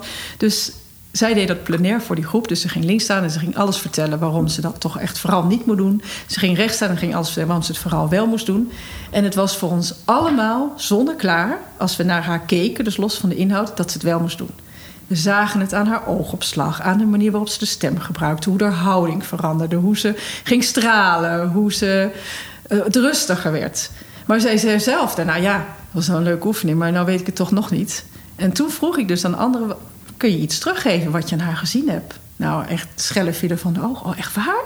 Oh ja? Oh, deed ik dat? Dus als je dat alleen doet en je bent je dat nog niet bewust... dan is zo'n oefening ook al lastig. En daarom is het fijn om het met iemand samen te doen... die puur kan teruggeven wat hij waarneemt. En die niet met het verhaal in... in Totaal los van het eh, verhaal. Ja, ja, Eigenlijk ja. moet hij zijn oor- o- oren dicht doen. Behalve dan dat het fijn is om de intonatie en volume... en dat soort dingen wel mee te krijgen. Maar die moet niet luisteren. Want dan gaan we mee met het oplossing bedenken vanuit inhoud. Ja. Ik hoop, ik hoop, ik hoop dat Eddie deze podcast luistert. Die sprak ik van de week. En die vertelde dat hij... Basically exact wat jij nu omschrijft... Ja. had hij spontaan op een Starbucks toilet gedaan... Oh, op een vliegveld. Op twee briefjes papier. Ja. Over zijn relatie. Ja. Hij zegt, en ik ging onderuit. Letterlijk keihard gewoon tegen de wasbak. Ik viel op het briefje van hè, verbreken. Wow. Zo, Heftig. wat een mooie ervaring. Heftig, ja. Ja, maar ook zo van... Hoe groot kan het signaal dan Zijn. Zijn? Dus het was Ja. niet, niet zo van... oh, ik verrek een spier of ik voel me wankelen. Nee, Nee. ik ga gewoon Nou, echt letterlijk onderuit. onderuit. Ja. Ja. ja, dat is heftig. En, Dus als je dat, en hij deed dat ook. Zo, ja, dan op dit, dit plaatje staan, oké, wat ervaar ik hier? En dan aan die kant staan, want het kan dus ook zonder blaadjes, eh, hoor ik nu. Maakt daar dus niet uit van, oh, wat gebeurt er dan daar? Heb- Moet je daar speciaal... Hoe gevoelig moet je zijn om dat te kunnen... Ja, ik ben het ervaren. liefste van over. Dit, intuïtie is gewoon onze eerste zintuig. Dit kunnen we allemaal. Ik bedoel, in de oertijd deden we niks anders dan telepathisch met elkaar communiceren. En het is alleen maar ruis wat er omheen zit. Dus Ja. iedereen heeft dit. Er is echt niemand die het niet heeft. Alleen het gaat inderdaad om. Kun je daar, kun je daar weer naar, naar terug? Want wat vind jij van bijvoorbeeld een, een HSP? Is een ontzettend Mhm. term die ik nou, eigenlijk niet zo heel veel hoor... omdat ik mezelf een beetje terugtrek uit heel veel dingen. Ehm, houdt dat hier nog verband mee? Of hoe, be- hoe, ja, wat vind jij van HSP? Dat is een moeilijke vraag misschien, maar... dat is een moeilijke Nou, omdat sommige mensen zeggen, ja... Ik Nou laatst ja, ik een meer- KPNI-therapeut en die zei ook van... Ja, weet je... Oké, je bent gevoeliger, maar om Ja. dan meteen een label... Exact. En dan wordt het ook weer zo'n ding. Ja, maar alles waar we een verhaal van maken wordt een ding. En Ja. natuurlijk, eh, de een heeft een wiskundeknobbel en de ander niet. Maar in basis kunnen we er allemaal wat van. Maar intuïtie gaat verder, want dat is gewoon het weten dat we allemaal hebben. En natuurlijk zijn er mensen die daar extreem op afgesteld zijn... en alles binnenkrijgen en waar het nog veel ingewikkelder door kan worden. Of die van nature een hele zuivere verbinding hebben en voelen... en mensen die dat veel lastiger vinden. Maar we hebben het allemaal. Dus misschien uh, als je echt over intuïtieontwikkeling hebt. Ja, ik bedoel, we kunnen allemaal leren fietsen, maar niet iedereen wordt uh, prof-wielrenner. misschien kan je het daar dan nog wel wat mee vergelijken. Ja. Maar ik geloof niet dat, het, dat je het niet kan hebben. En ik geloof ook dat, dat er mensen zijn bij wie het zo open staat dat het wel ja, zoeken is en leren is om daar op een goede manier mee om te gaan. Maar in feite denk ik, ja, dat is, dat is, eigenlijk is dat heel fijn dat je dat hebt en leer wat instrumenten om, om er af en toe ook een filtertje tussen te zetten en doe er vooral je voordeel mee. Ja, ik moet dan altijd denken aan, oké, en uh, tien jaar geleden nog steeds was het dan ADHD. Mm maar als je, want ik heb ook psychologie gestudeerd. Als je dan naar de geschiedenis van de psychologie kijkt, ik weet even het jaartal niet, maar vroeger had je hysterie. Ja. Heeft nu niemand in over. Dat is ook gewoon, dat loopt bijna parallel aan onze eigen ontwikkeling, en onze eigen inzichten. En nu eh, dat stukje bewustzijn en intuïtie en gevoeligheid, dat is nu gewoon veel meer mainstream common sense. We houden ons daarmee bezig. Dus we herkennen ons daar ook in. Um, maar daarvoor al natuurlijk, weet je, alles gaat nu snel. Ja. En alles gaat tik, tik, tik, tik, tik, Dus we moeten bijna wel een soort van in een ADHD-modus om, ja, bij te blijven. Ik wil niet zeggen dat we dat allemaal, dat we allemaal ziek zijn. Nee, we zijn een soort van equipped in deze, om op deze tijd. Van de tijd. Ja, ja, symptomen van de tijd. Die een enorme kracht hebben. En op het moment dat we alleen maar symptoombestrijding gaan doen, dan wordt het een probleem. Ja. Dat zien we ook net ineens binnen. Volgens mij behandelde ze hysterie ook nou ja, misschien is het een broodje aap. Maar volgens mij is de eerste dildo of zo in die context ook... Uh, oh, dat heb ik nog nooit gehoord. Dat, dat zou een Google-actie waard zijn. Om, nou, om vrouwen te... Om de symptoombestrijding van hysterie... Uh, dat er waren gewoon vrouwen die naar een dokter gingen... en die werden mhm. daar klaargemaakt. Maar dat was echt een, een oprechte therapie... Uh, vorm tegen hysterie. Ja, Interessant. Ja, maar het is lang geleden, hè? want vrouwen hadden natuurlijk een hele andere rol. En een hele andere relatie met hun seksualiteit en hun lichaam. Dus als dat helemaal weggestopt wordt, dan kan ik best wel voorstellen dat, ja, dat, als dat een massage of zwemmen of ja, iets, zeker. dat dat, dat verlichting biedt. Ja. dus daar moest ik even aan denken. Ja, ja nee, ik bedoel, ik denk dan eerder aan dat dat dan misschien eerder interessant voor die arts was dan dat die vrouw daar nog wat aan had in die nee, tijd. maar volgens mij was het echt ook echt, uh... juist ook om, om dat weer even te kunnen voelen of zo. En dat het dus ook wel weer rust geeft. Ja, maar ja, dat snap ik wel. Het is natuurlijk ik bedoel, seksuele overgave gaat natuurlijk ook over dat je die, die ik-maker en die controle eruit zet en, en, en, en, en, en bent met wat er is. En je letterlijk ook fysiek helemaal over mag geven aan de levensstroom. Ja. Ja. Het is wel heel boeiend, ja. Ik ga het eens even opzoeken of ik uh, nu net niet iets verkondigd heb wat gewoon echt helemaal niet bullshit is. Maar volgens mij... Dan zet je er nog een disclaimer onder. Ja, sowieso. Wie ben ik? Ik weet het echt ook niet. er ook niet uit. Nee. Ik, had, uh, ik moet er nu eentje online zetten. Ben ik door iemand geïnterviewd. Ik las hem en ik hoorde het zo terug en denk... ik weet toch ook echt helemaal niks. En dat zijn dan wel thema's waar wij het dan nu over hebben. denk ik, ja, I know nothing. Ik bedoel, ja, ja, ja nee. Dat voelt dan bijna zo pretentieus. Ja, ja dat herken Heb ik heel erg. Ja? Hoe ga jij daarmee om dan?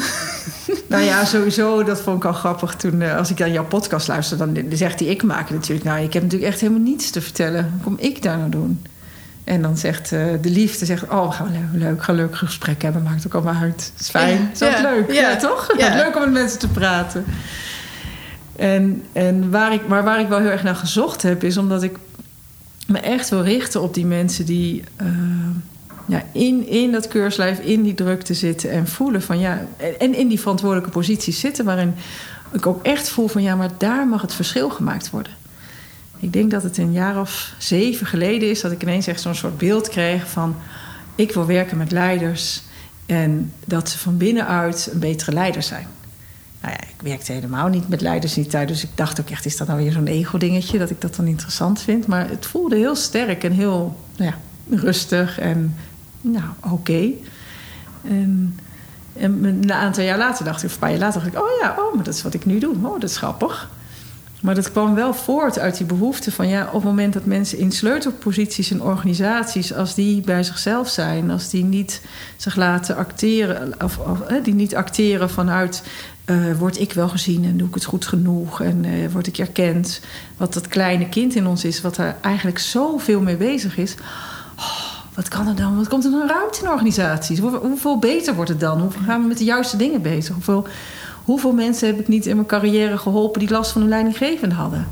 Of, of uh, bazen met psychiatrische problemen die op posities zitten, omdat je inderdaad vanuit de apenrots prima met een psychiatrisch ziektebeeld uh, omhoog kan komen. Maar wat funest is het? Mm. En wat funest is het voor een tijd waarin we al, niet meer eromheen kunnen om, om alleen in ons eigen hokje te denken, maar naar dat grotere geheel te kijken. Ja, ja.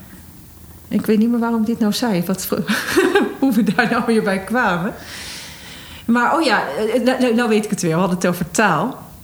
Maar dat ik me wel realiseerde van ja, op het moment uh, dat je vaak vanuit die apenrots op een plek gekomen bent en dan vaak denkt ja, en nu, dan zit je in een heel ander taalgebied dan als het gaat over spiritualiteit en allemaal termen waar wij het dan misschien met elkaar over kunnen hebben.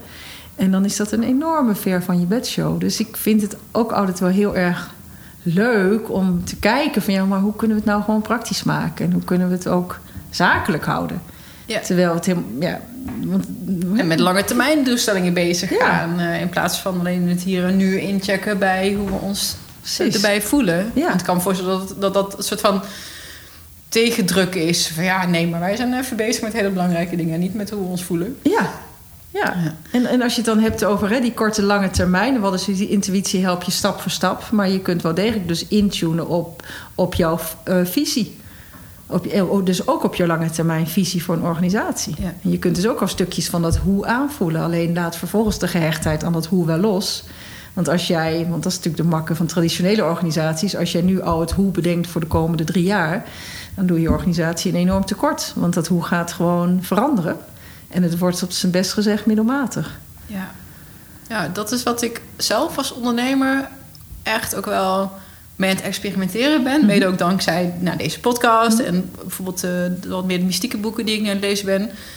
Is door mezelf in de toekomst vooruit te projecteren. Mhm. In momenten van uh, stilte en rust, meditatieve momenten. Ja. En dan niet hoe kom ik daar, maar hoe, dat eigenlijk een beetje de, de vragen die jij stelde. En ik ga het nog een keertje doen met dat stap voor stap van door zo'n dag heen. Ja. Um, en dan, dan en loslaten hoe we daar dan komen. Precies. Dat zie ik dan wel weer in, in de, de, de, de malle molen van de dag. Weet je? Maar als ik maar continu me blijf spiegelen aan die roadmap... of daarop blijf, of mijn, mijn eindstation... Uh, en dat heb ik echt ervaren. Dan gaan dingen echt idioot snel. Ook. Dat je soms, oké, maar nu doe ik even, even niks. Ik moet even, even alle rotzooi die nu is gecreëerd ook. Want ja. uh, snel gaan uh, betekent ook dat er ballast meekomt. Ja, en dat er collateral damage, dat ja, dingen, ja, dingen opgeruimd moeten worden. Of ja. niet, op, niet nee, maar dingen, maar gewoon... Ja. ja je, je, je, desktop zit vol en je agenda. En weet je wat, het is gewoon even chaos dan op zo'n moment. Oké, okay, daar, heb ik, daar heb ik nu net even een paar weken gehad. Zo van, oké, okay, ah. Want anders dan is het, hou ik het gewoon niet bij. ik ben nog steeds onderhevig aan de wetten die er nu zijn. Ik kan niet toveren of zo. Een soort zwaartekracht die dan toch meespeelt. Ja, ja, precies. Die enorme creatiekracht die, dan, eh, die dan aangaat. Hè? Ja, dat is, dat is insane. Maar dat is hele leuke experimenten om... Of ja, gewoon leuke thema's mm -hmm. om... om ja, met, letterlijk experimenteren. En wat je net triggerde, je zei ook iets wat me nog triggerde over die, uh, uh, die gekwetste kinderen in ons, die mm -hmm. kleine kinderen. Ik hoorde ooit iemand zeggen die zei: Ja, Hè, wanneer weet je nou of je vanuit zo'n patroon reageert en wanneer niet? Voor zo was, had ik het met Siets uh, Bakker daarover. Mm -hmm. Zeg ja, als je rationeel kan beseffen van... Weet je, als je het aan een andere volwassene zou uitleggen wat er aan de hand is... dan denkt hij, waar heb je het over? Mm -hmm. Die auto ging misschien net iets sneller dan dat jij ging. Weet je, het kan echt mhm. iets heel kleins zijn. Of, uh, nou, ik heb het bijvoorbeeld als er een auto dicht op mij rijdt, achter ja? mij niks aan de hand. Mm -hmm. Die persoon hoeft helemaal niet te vinden dat ik langzaam ben, of stom ben, of in de weg ben. Mm -hmm. of, maar soms kan ik me daar gigantisch aan irriteren. En dan denk ik echt. En dan denk dat, dat vertelde ze dan, ja, als je rationeel weet en een andere volwassene denkt, ja, dat is niks aan de hand toch? Ja. Maar als ik dan hmm, helemaal ja. in een ja, emotie het, schiet die eigenlijk veel te groot is, dan weet je dat je op een triggerpoint zit. Ja. Dan dacht ik, oh, Oh, dat, dan is het heel leuk om dan te gaan opletten. Oké, wanneer, wanneer gebeurt wanneer het? Gebeurt het? Ja. Ja, in de auto niet meer hoor. Maar... Ingeborg Bos noemt dat zo mooi de valse macht waar je in komt. Vals? Oh, dat ken valse ik niet. macht, ja. Heel mooi zijn twee modellen. Ik gebruik een van uh, Inge Oerlemans. Ga ik binnenkort naartoe. Een mooi mens. En Ingeborg Bos van de PRI. Maar eigenlijk, als we het hebben over dat, dat, dat, dat zijn... als we geboren worden in dat onvoorwaardelijke zijn... Dan, dan zijn die boundaries er nog niet. Dan is dat ego nog helemaal niet ontwikkeld. Dat alles open. En, maar vanaf het eerste moment dat wij uitreiken met honger en, en huilen... en er komt niemand... Wat we allemaal meemaken, al heb je nog een perfecte jeugd gehad, we maken het allemaal mee. Dat zijn nou die eerste kras op die ziel. Want dan blijkt dus dat het onvoorwaardelijk uitreiken niet leidt tot uh, liefde, aandacht en eten. Dus, dus dat begint al heel erg jong. Uh, die, en hè, dat, dat kan nou zijn dat jij aan het huilen bent en je moeder is je broertje of zusje aan het verschonen. Hè? Weet je wel, zulke simpele dingen zijn het. Maar er zijn allemaal momenten in die opvoeding waarin we die, die voorwaardelijke liefde gaan ervaren. Ik jou niet uit te leggen. Maar dus, dus, en, en, en een kind is een onvrijwillige gevangene, zegt zij zo mooi. Dus wij kunnen, uh, kunnen er niet uit uit het systeem. Dus we beschermen onszelf. is ook, is ook nog iets uit de oertijd. Dus op het moment dat iemand mij ontzettend slecht behandelt, mijn vader of moeder, kan ik nooit denken: mijn moeder of vader is fout. Dan denk ik: ik doe iets niet goed. Dus als mijn moeder een alcoholist is en gaat tegen mij schreeuwen, denk ik: oh, maar dan heb ik, ik ben niet rustig genoeg geweest. Dus als ik nou maar een heel rustig meisje word, dan gaat mijn moeder niet meer tegen me schreeuwen en dan is het goed. En dus word ik een rustig meisje. Maar die, die pijnpunten van die onmacht die ik als kind ervaar, die komen in, in als je het dan over het bewust, onderbewust hebt, komen op duizend momenten terug in mijn leven. Er hoeft iemand maar op een bepaalde manier te kijken zoals mijn moeder vroeger keek. En ik kom weer in die pijn van toen. Nou, die is bij mij vrij onschuldig. Die zit op dat harde werken en zorgen voor anderen. Maar goed, je kunt er van alles bij yeah, voorstellen yeah. vanuit je eigen jeugd. En dat, dat gevoel, die onmacht, die angst, is echt een rot ervaring. Rotgevoel, daar wil je niet zijn. Yeah. Dus, dus wat doen wij? Ten eerste zijn we uit het zijn gestapt. We hebben er een mooi laagje omheen gebouwd. En, en wat heel veel mensen ook nog doen, is dat beschermlaagje oppoetsen en zeggen: kijk. Dus we denken dat, wij, dat dat de diamant is in plaats van die diamant die er binnenin zit. Dus dat is die behoefte aan, aan erkenning en status en, en de auto en de baan en noem het maar op. Uh, dus we, en we zijn in dat doen balans. En in dat doen, en we willen niet die onmacht voelen. Dus we denken, als we maar dit, dan. Als ik maar hard ga werken, dan heb ik succes. Begint als ik maar zo op school, dan vindt mijn vader me lief. Als ik maar dit. Dus eigenlijk ga je vanuit dat doen, maar... Ja actie, actie, actie, actie. En, dat, precies de mensen met wie ik het zo fijn vind om te werken, omdat ik het zelf ook zo herken, dat is allemaal valse hoop, zoals zij dat noemt. Allemaal valse hoop. Dus we, we voelen niet meer dat we onvoorwaardelijk liefde zijn. Dus we gaan heel hard werken om datgene te krijgen wat we zo graag willen krijgen, namelijk liefde. En elke keer lopen we tegen een muur op, tegen vermoeidheid en dingen die niet lopen, noem het maar op. Terwijl eigenlijk is een vergissing, want we zijn nog steeds liefde. We zijn nog steeds in dat onvoorwaardelijk. Alleen ja. we geloven het zelf niet meer. En, en dan is inderdaad dat eerste muurtje is die onmacht die we niet willen voelen. Dan komt die valse hoop. En dan dus ook die valse macht. Want af en toe dan is de wereld snapt me niet. En het zijn allemaal eikels. Je niet ja, bijna. Ik kon niet Ik zit in midden in jouw verhaal. Maakt niet uit. En dan als we er nog een baksteen overheen stappen... dan komen we in de ontkenning van behoeften. Nou, maar met mij is nee, maar ik werk 80 uur in de week, maar het gaat heel goed. Ik vind het heel leuk. En uh, ja, als ik niet kan slapen, neem ik een wijntje of twee of drie. Of ik neem een pilletje als het niet zo goed gaat. En nee, nee gaat helemaal prima. Dus dan, dan kom je in die verslavingskant terecht. Maar dat is allemaal om, om die onmacht niet te voelen. Ja. Dus wat ik net zei, kan er iets misgaan. Als mensen in de pijn en in de verwarring komen, denk ik, gefeliciteerd. Want dan ben je in ieder geval weer aan het voelen van... ik, ik, ik, ik zit in een vergissing. Ik, blijkbaar hou ik niet van mezelf. Blijkbaar moet ik een heleboel doen om het oké okay te hebben. En dan, dan kun je aan het werk. Ja, ja werk is dan weer zo'n woord. Ja, kun je nee, doen? Ik had... Uh, ik vind het al leuk dat dingen soms dan wat later op, op, hun, uh, op hun plek vallen. Uh, gisteren sprak ik iemand over schaduwwerk. Mm -hmm. En toen had ik het met haar over een iets wat ik deed als kind. We hebben dat toen eigenlijk niet heel uitgebreid over. Ook omdat het eigenlijk over iets anders ging. Maar toen dacht ik, waarom is dan dat voorbeeld... Um, waarom ik nu vertel? Want je, je kan steeds dat afpellen van die ui, zeg maar. Sommige van je beperkende overtuigingen... Of van je, je, je strubbelingen... Die, die liggen best wel aan de oppervlakte van die ui. Um, mijn... mijn eh, wens aan om erkenning bijvoorbeeld. Ik snap echt wel waarom ik zo hard werk. Maar dat, dat was redelijk obvious. Maar nu beginnen ook een beetje de, het afgelopen jaar... de wat subtielere, kleinere patroontjes ook eh, kenbaar te worden. Of, of die komen dan naar boven drijven. En een van die herinner ik dus gisteren over. Maar ik snapte nog niet precies van... oké, maar en hoe heeft mij dit gevormd? Of wat was dat voor me? Volgens mij is het, is het me nu duidelijk geworden. Ik ben als kind... eh, heb ik stiekem bij de achterburen de dieren verzorgd. Ach. de cavia's, ja. En toen dacht ik... Oh, dacht, ik zit er misschien een beetje in de verkeerde hoek naar te kijken. Zo van, oh, dat, het gaat niet zozeer om het feit dat ik het stiekem deed of niet. Maar het feit dat ik bang was om eh, afgewezen te worden of om beschimpt te worden. Terwijl ik eigenlijk het gewoon goed deed. Ja, je ziet het ontzettend schattig dat je dat deed, toch? Ja, nee, daarom. Ja. En, ehm, en, de- en dat klopt echt zo erg ook. En als ik zie waar mijn eigen eh, beperkingen nog in zitten. Zo van, ik mag gewoon dingen doen. Die zijn lief. Ja. Die zijn leuk. En ik hoef aan niemand verantwoording af te leggen. En ik hoef ook van niemand de goedkeuring. Want ik was heel bang dat ze het zouden afkeuren. Dat het niet mocht. Ja. Ja. Terwijl ik ook wel als kind snapte, ja, ik ben gewoon een caviahok aan het verschonen. We stond in iemand zijn tuin. Vond, ik- vond ik gewoon leuke beestjes. En ik, vind, ik ben heel zorgzaam. Dus ik vind het dan ook gewoon lief voor die beestjes. Ja. Ja. maar, maar ik vroeg het niet of het mocht. Ja. En waarschijnlijk, ze zullen me vast wel gezien hebben hoor.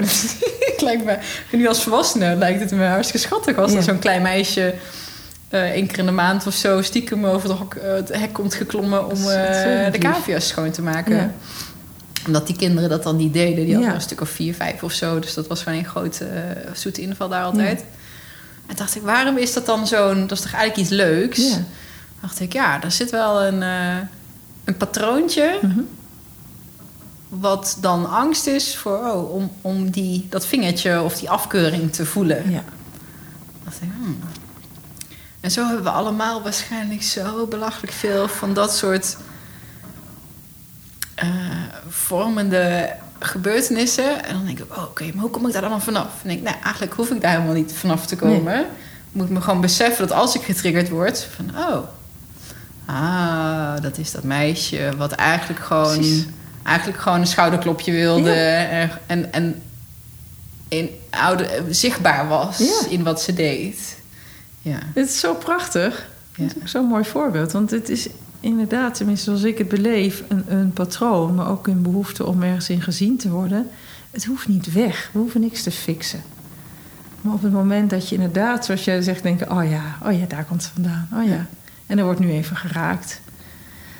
En Of dan te zeggen, en ik oh, adem eens maar- even door. of dan zeggen, wat een lief meisje eigenlijk. Ja, een schatje. Ja. Terwijl ik in mijn hoofd denk, oh, verschrikkelijk mormel. Ik ga ergens, ik ben trespassing. Ik ben iets aan het doen wat niet mag. ja, precies. Want dat was het zelfbeeld wat je toen had. Ja, En ik wat dan- heel... eh, eh, ja, ik doe iets, doe iets verkeers. Ik doe iets stiekems. Ik... Ja, ook wel weer die onvrijwillige gevangene. Want je durft... te- Misschien dat, je, dat het me daarom, eh, die- woorden die je ja, gebruikt. Ja, je durft er niet daar aan te kloppen te zeggen... joh, zal ik dat eens even doen? Dus, dus je moest het op een soort sneaky manier doen. Dus ging je over jezelf slecht denken. Ik heb meer, dat besef ik nu pas. Ik heb ook wel eens onkruid in een tuingebied van een achterbuurman die ik helemaal niet kende. Echt waar. Wat een lief mens ben jij. Ontzettend schattig. Ik wilde de boel gewoon heel graag feng shui. Dat het gewoon opgeruimd is en netjes Mm. en ordelijk en, en knus. En, En gewoon weer iemand anders eventjes... eh. Nou, het is wel leuk om te zien waar je dan terechtkomt in je Oh, leven. nou, daar ga- hoe er komt een- dingen er al in zitten, ja. er gaat een hele la open aan dat soort dingen die ik heb gedaan. Oh, wat grappig. Ik heb een ex-vriendje gehad op de middelbare school. Mhm. En dan ging ik in zijn huis zitten zonder dat hij thuis was. En dan ging ik heel zijn huis poetsen. Echt waar? En wat was, wat, wat was dan die behoefte bij jou die daaronder lag? Ja, ik, Want je had het over netjes en schoon. ja, ik denk een soort erkenning van... ehm, eh, die, die, die liefdevolle bijdrage willen leveren of zo. zo van, en als het dan niet wordt goedgekeurd, dan, dan doe ik het maar gewoon op eigen houtje. Ik weet het niet. Ja, of- en, Want het was echt een intrinsieke... Was het, echt een, is het, was het dan... Oh, nou, nieuwsgierigheid. Een intrinsieke behoefte om iets goeds te doen? Of was het, gaf het jou ook een soort rust als iets geordend was? Want die hoor ik ook een beetje onder. Ja, ik denk. eh, eh, misschien meer nog het... Ik weet niet of het dan esthe- esthetisch is of zo. ja. Je microfoon, hè? ja, goeie vraag. Dat, dat, daar ga ik eens even over eh, stil bij zijn. Ja. Want ik, de, de meest obvious die ik zie, en dat is, een, dat is een hele, hele sterke herinnering die ik ook wel eens naar mijn vader heb uitgesproken, is dat ik, eh, toen wij net naar Nederland verhuisd waren, want ik kom uit Duitsland eigenlijk. Ik was 4,5 toen wij verhuisden. En ik weet dat ik eh, de. ik- Ja, ik weet niet hoe oud je bent als je leert schrijven, maar ik leerde schrijven en moest huiswerk maken en ik schreef lieve juf. Mhm. Maar en die juffrouw was ook de eerste vriendin die ik had in Nederland. Dat was een- ook zo'n herinnering dat ik ook aan haar vroeg... wilt u mijn vriendin zijn op de Ah. voorstelavond. ook heel schattig eigenlijk. En ehm, ik schreef lieve, maar met een F in Ja. plaats van een V. Lieve juf. Ja. En dan zei mijn vader wat van... jee, jij stom zeg. Oh. Dus ik, ik denk dat Ja. daar en in dat... want dat zit een beetje in dezelfde tijd... ik doe en iets. verhuisd naar een andere plek Ja. waar ik niemand ken... en dan een kleine gevoel van zekerheid... dat Ja. het dan zo... Ik, ik doe toch gewoon iets liefs. Ja, dus ga ik maar stiekem lieve dingen doen. Ja, Dan kunnen ze hiervoor niet zeggen dat ik dom ben. ja. of stom ben, Of stom of ben. onbelangrijk... of eh, dat, het, dat ik het niet moet doen. Ja.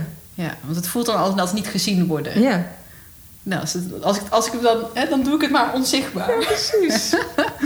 Ja, Ja, en hoe prachtig is het dan dat je op een gegeven moment voelt... oh ja, nu mag ik het gewoon zichtbaar doen. Ik mag gewoon echt het goede doen.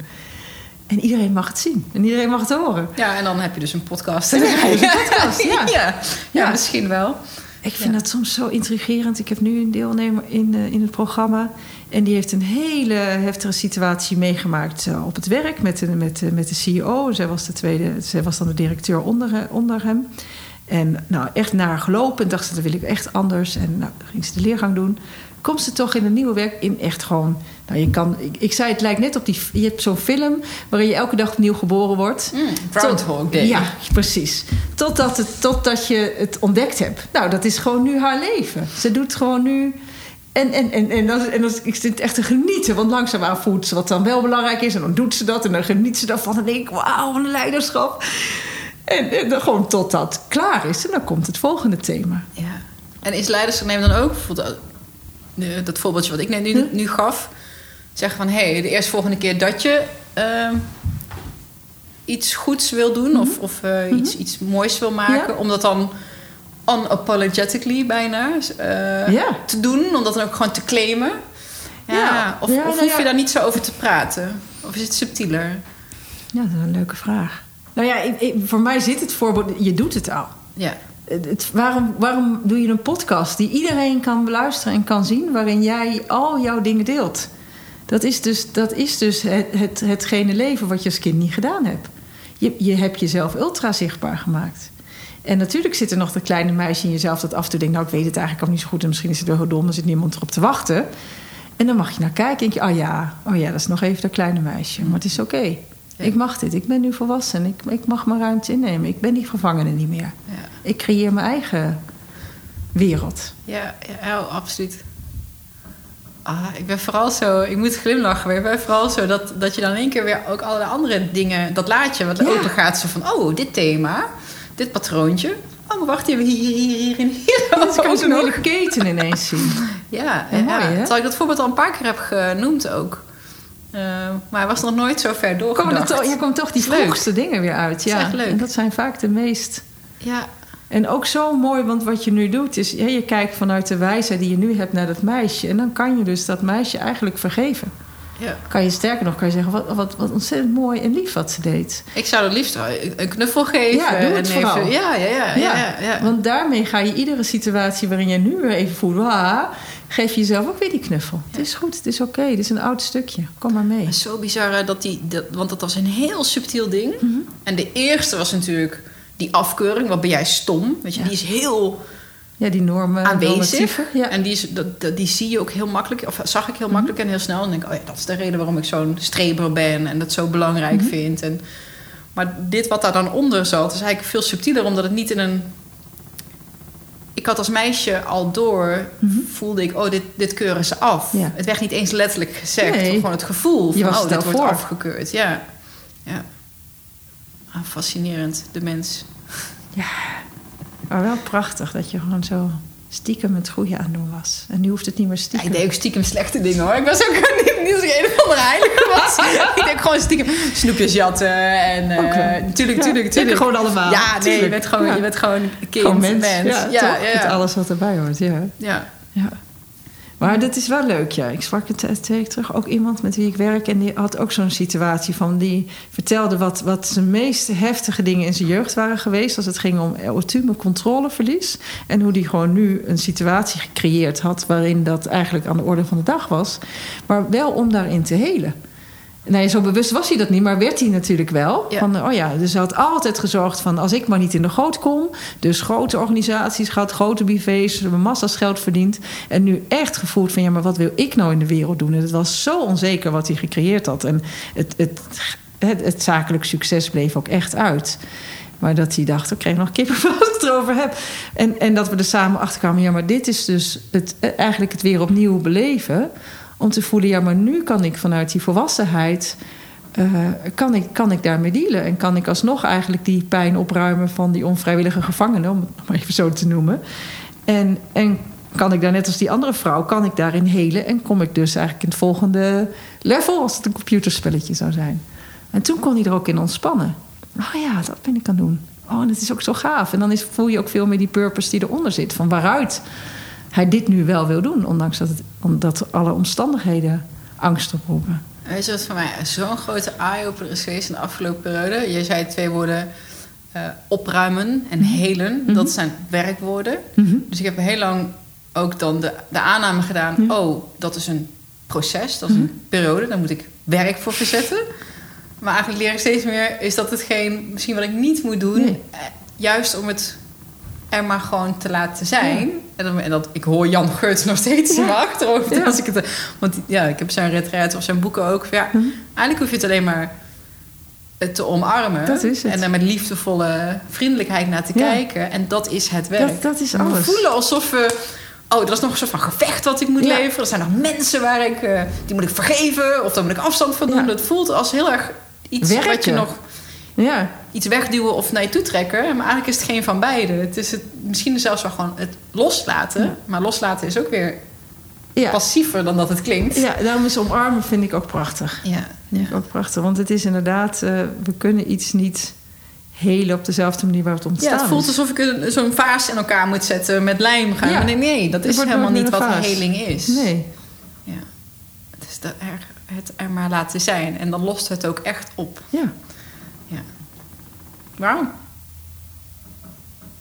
Ja, en ik denk dat, dat, dat die laag ook, hè, wat je zegt, die behoefte aan erkenning, die ken je, maar je verkent daar of ontdekt daar steeds weer nieuwe lagen in. Want die is, ja, we zijn natuurlijk allemaal en eh, onderdeel van het grotere geheel, en we willen een soort individu zijn of, of gezien worden in, in wie wij als bloemetje of als wat dan ook zijn, met onze kleur. En dat, dat is het meest fundamenteel bij iedereen ergens wel een keer beschadigd. Maar ik, ik, geef mensen vaak de opdracht om. en- en dat is dan voor- voorafgaand ook weer aan in, in, in het programma. Om, eh, om als we bij die laag zijn, om gewoon eens een week lang voor jezelf te registreren. Wat doe ik allemaal wat eigenlijk ingegeven is door mijn behoefte aan erkenning? Ik ontdekte bij mezelf, ik heb jarenlang heel veel geglimlacht. En ook veel gelachen. En ik ken wel het verschil tussen lachen vanuit innerlijk en, Ja. en iets weglachen of een soort verontschuldigend lachen. En die, en die glimlach was heel vaak, ik zeg iets, maar als je het niet helemaal oké vindt, dan eh, glimlach je. Dan kan ik ook echt toch iets anders ja, zeggen. dat kunnen doen. Verkopers kunnen dat ook heel goed. En dat is meer een beetje het Ja, dan wordt het een beetje naar, hè?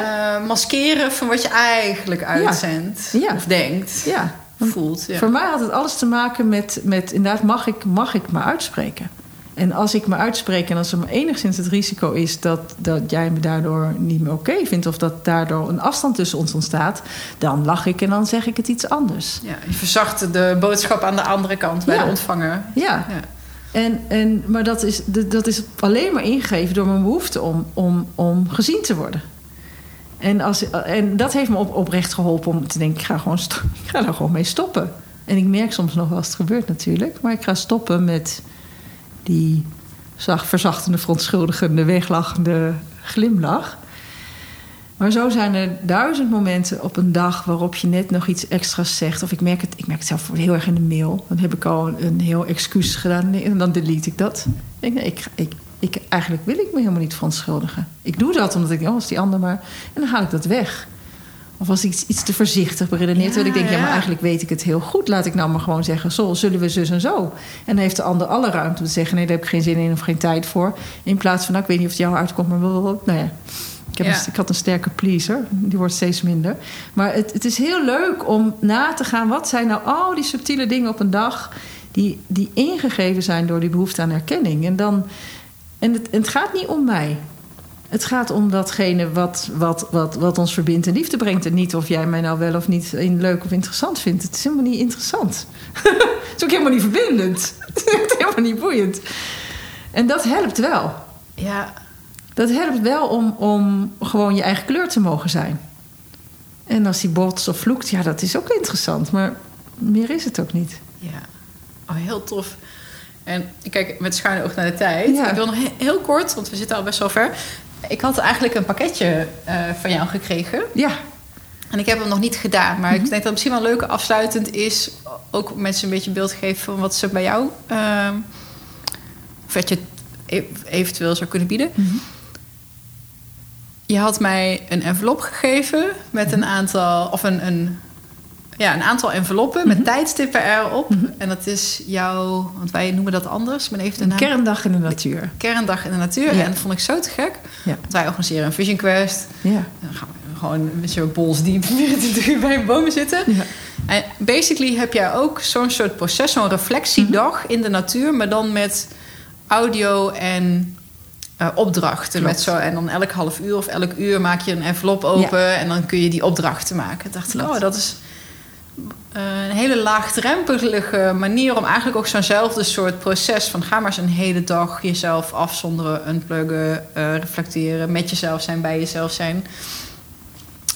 Um, is, dat heb ik misschien van tevoren kunnen vragen. maar is dat iets waar, waar, mensen die dit luisteren denken... oh, dat klinkt echt geweldig voor mij. Want ik hou niet zo van groepen en van retraites. Ja. Maar ik ben wel... Ja, dan kun je ik vind die, dat stukje guidance misschien wel fijn daarin. Ja.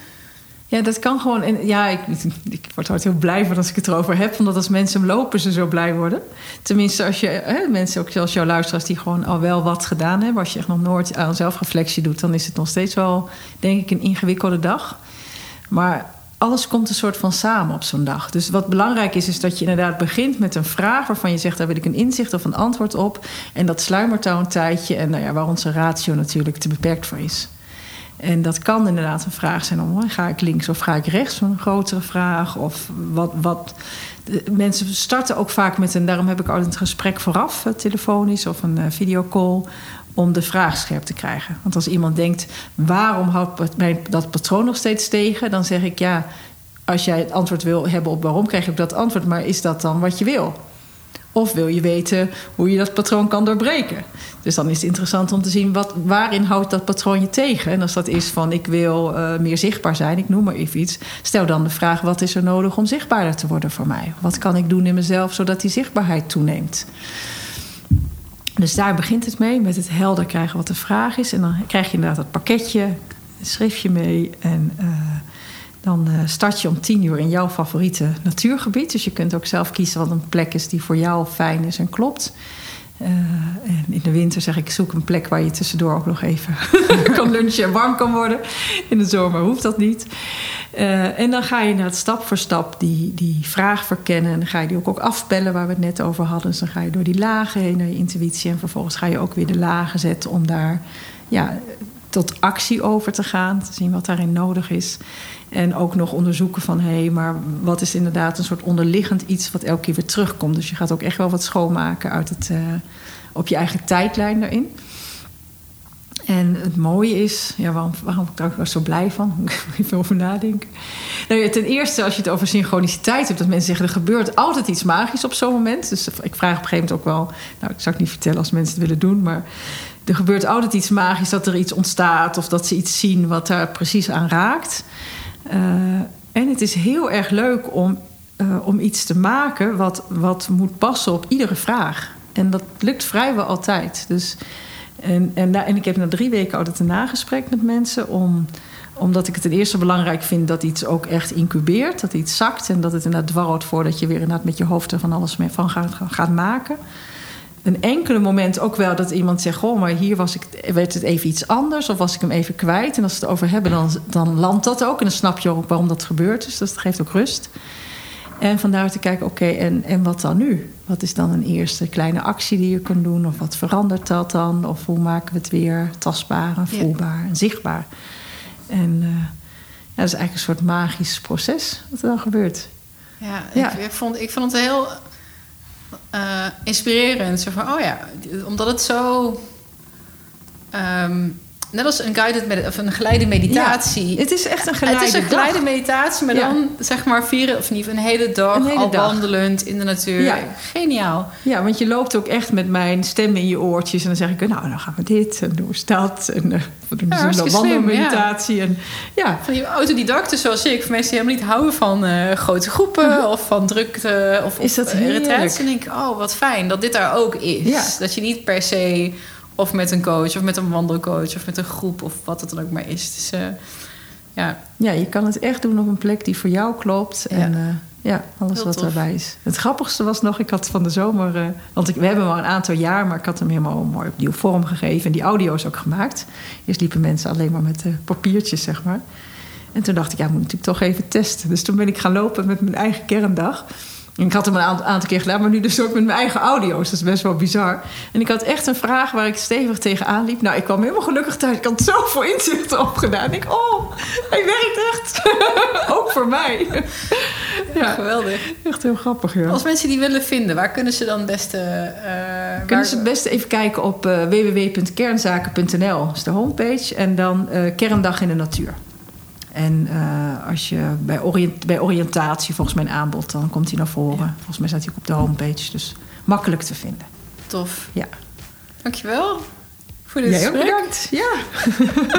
dat was hem. Dankjewel voor het luisteren. En je bent tot het einde gekomen, dus ik hoop dat je hier waardevolle inspiratie uit hebt gehaald. En als dat zo is, eh, voel je vrij om bijvoorbeeld een eh, screenshotje te delen op je, in je Instagram stories of mij een berichtje te sturen. Of om je te abonneren of uiteraard een fijne review of 5 sterren rating voor me achter te laten. Daar maak je mij ontzettend blij mee namelijk. Um, rest mij niks anders dan te zeggen: geniet van je dag, enjoy life uh, en onthoud the story can wait. Um, sit back, relax and enjoy the ride.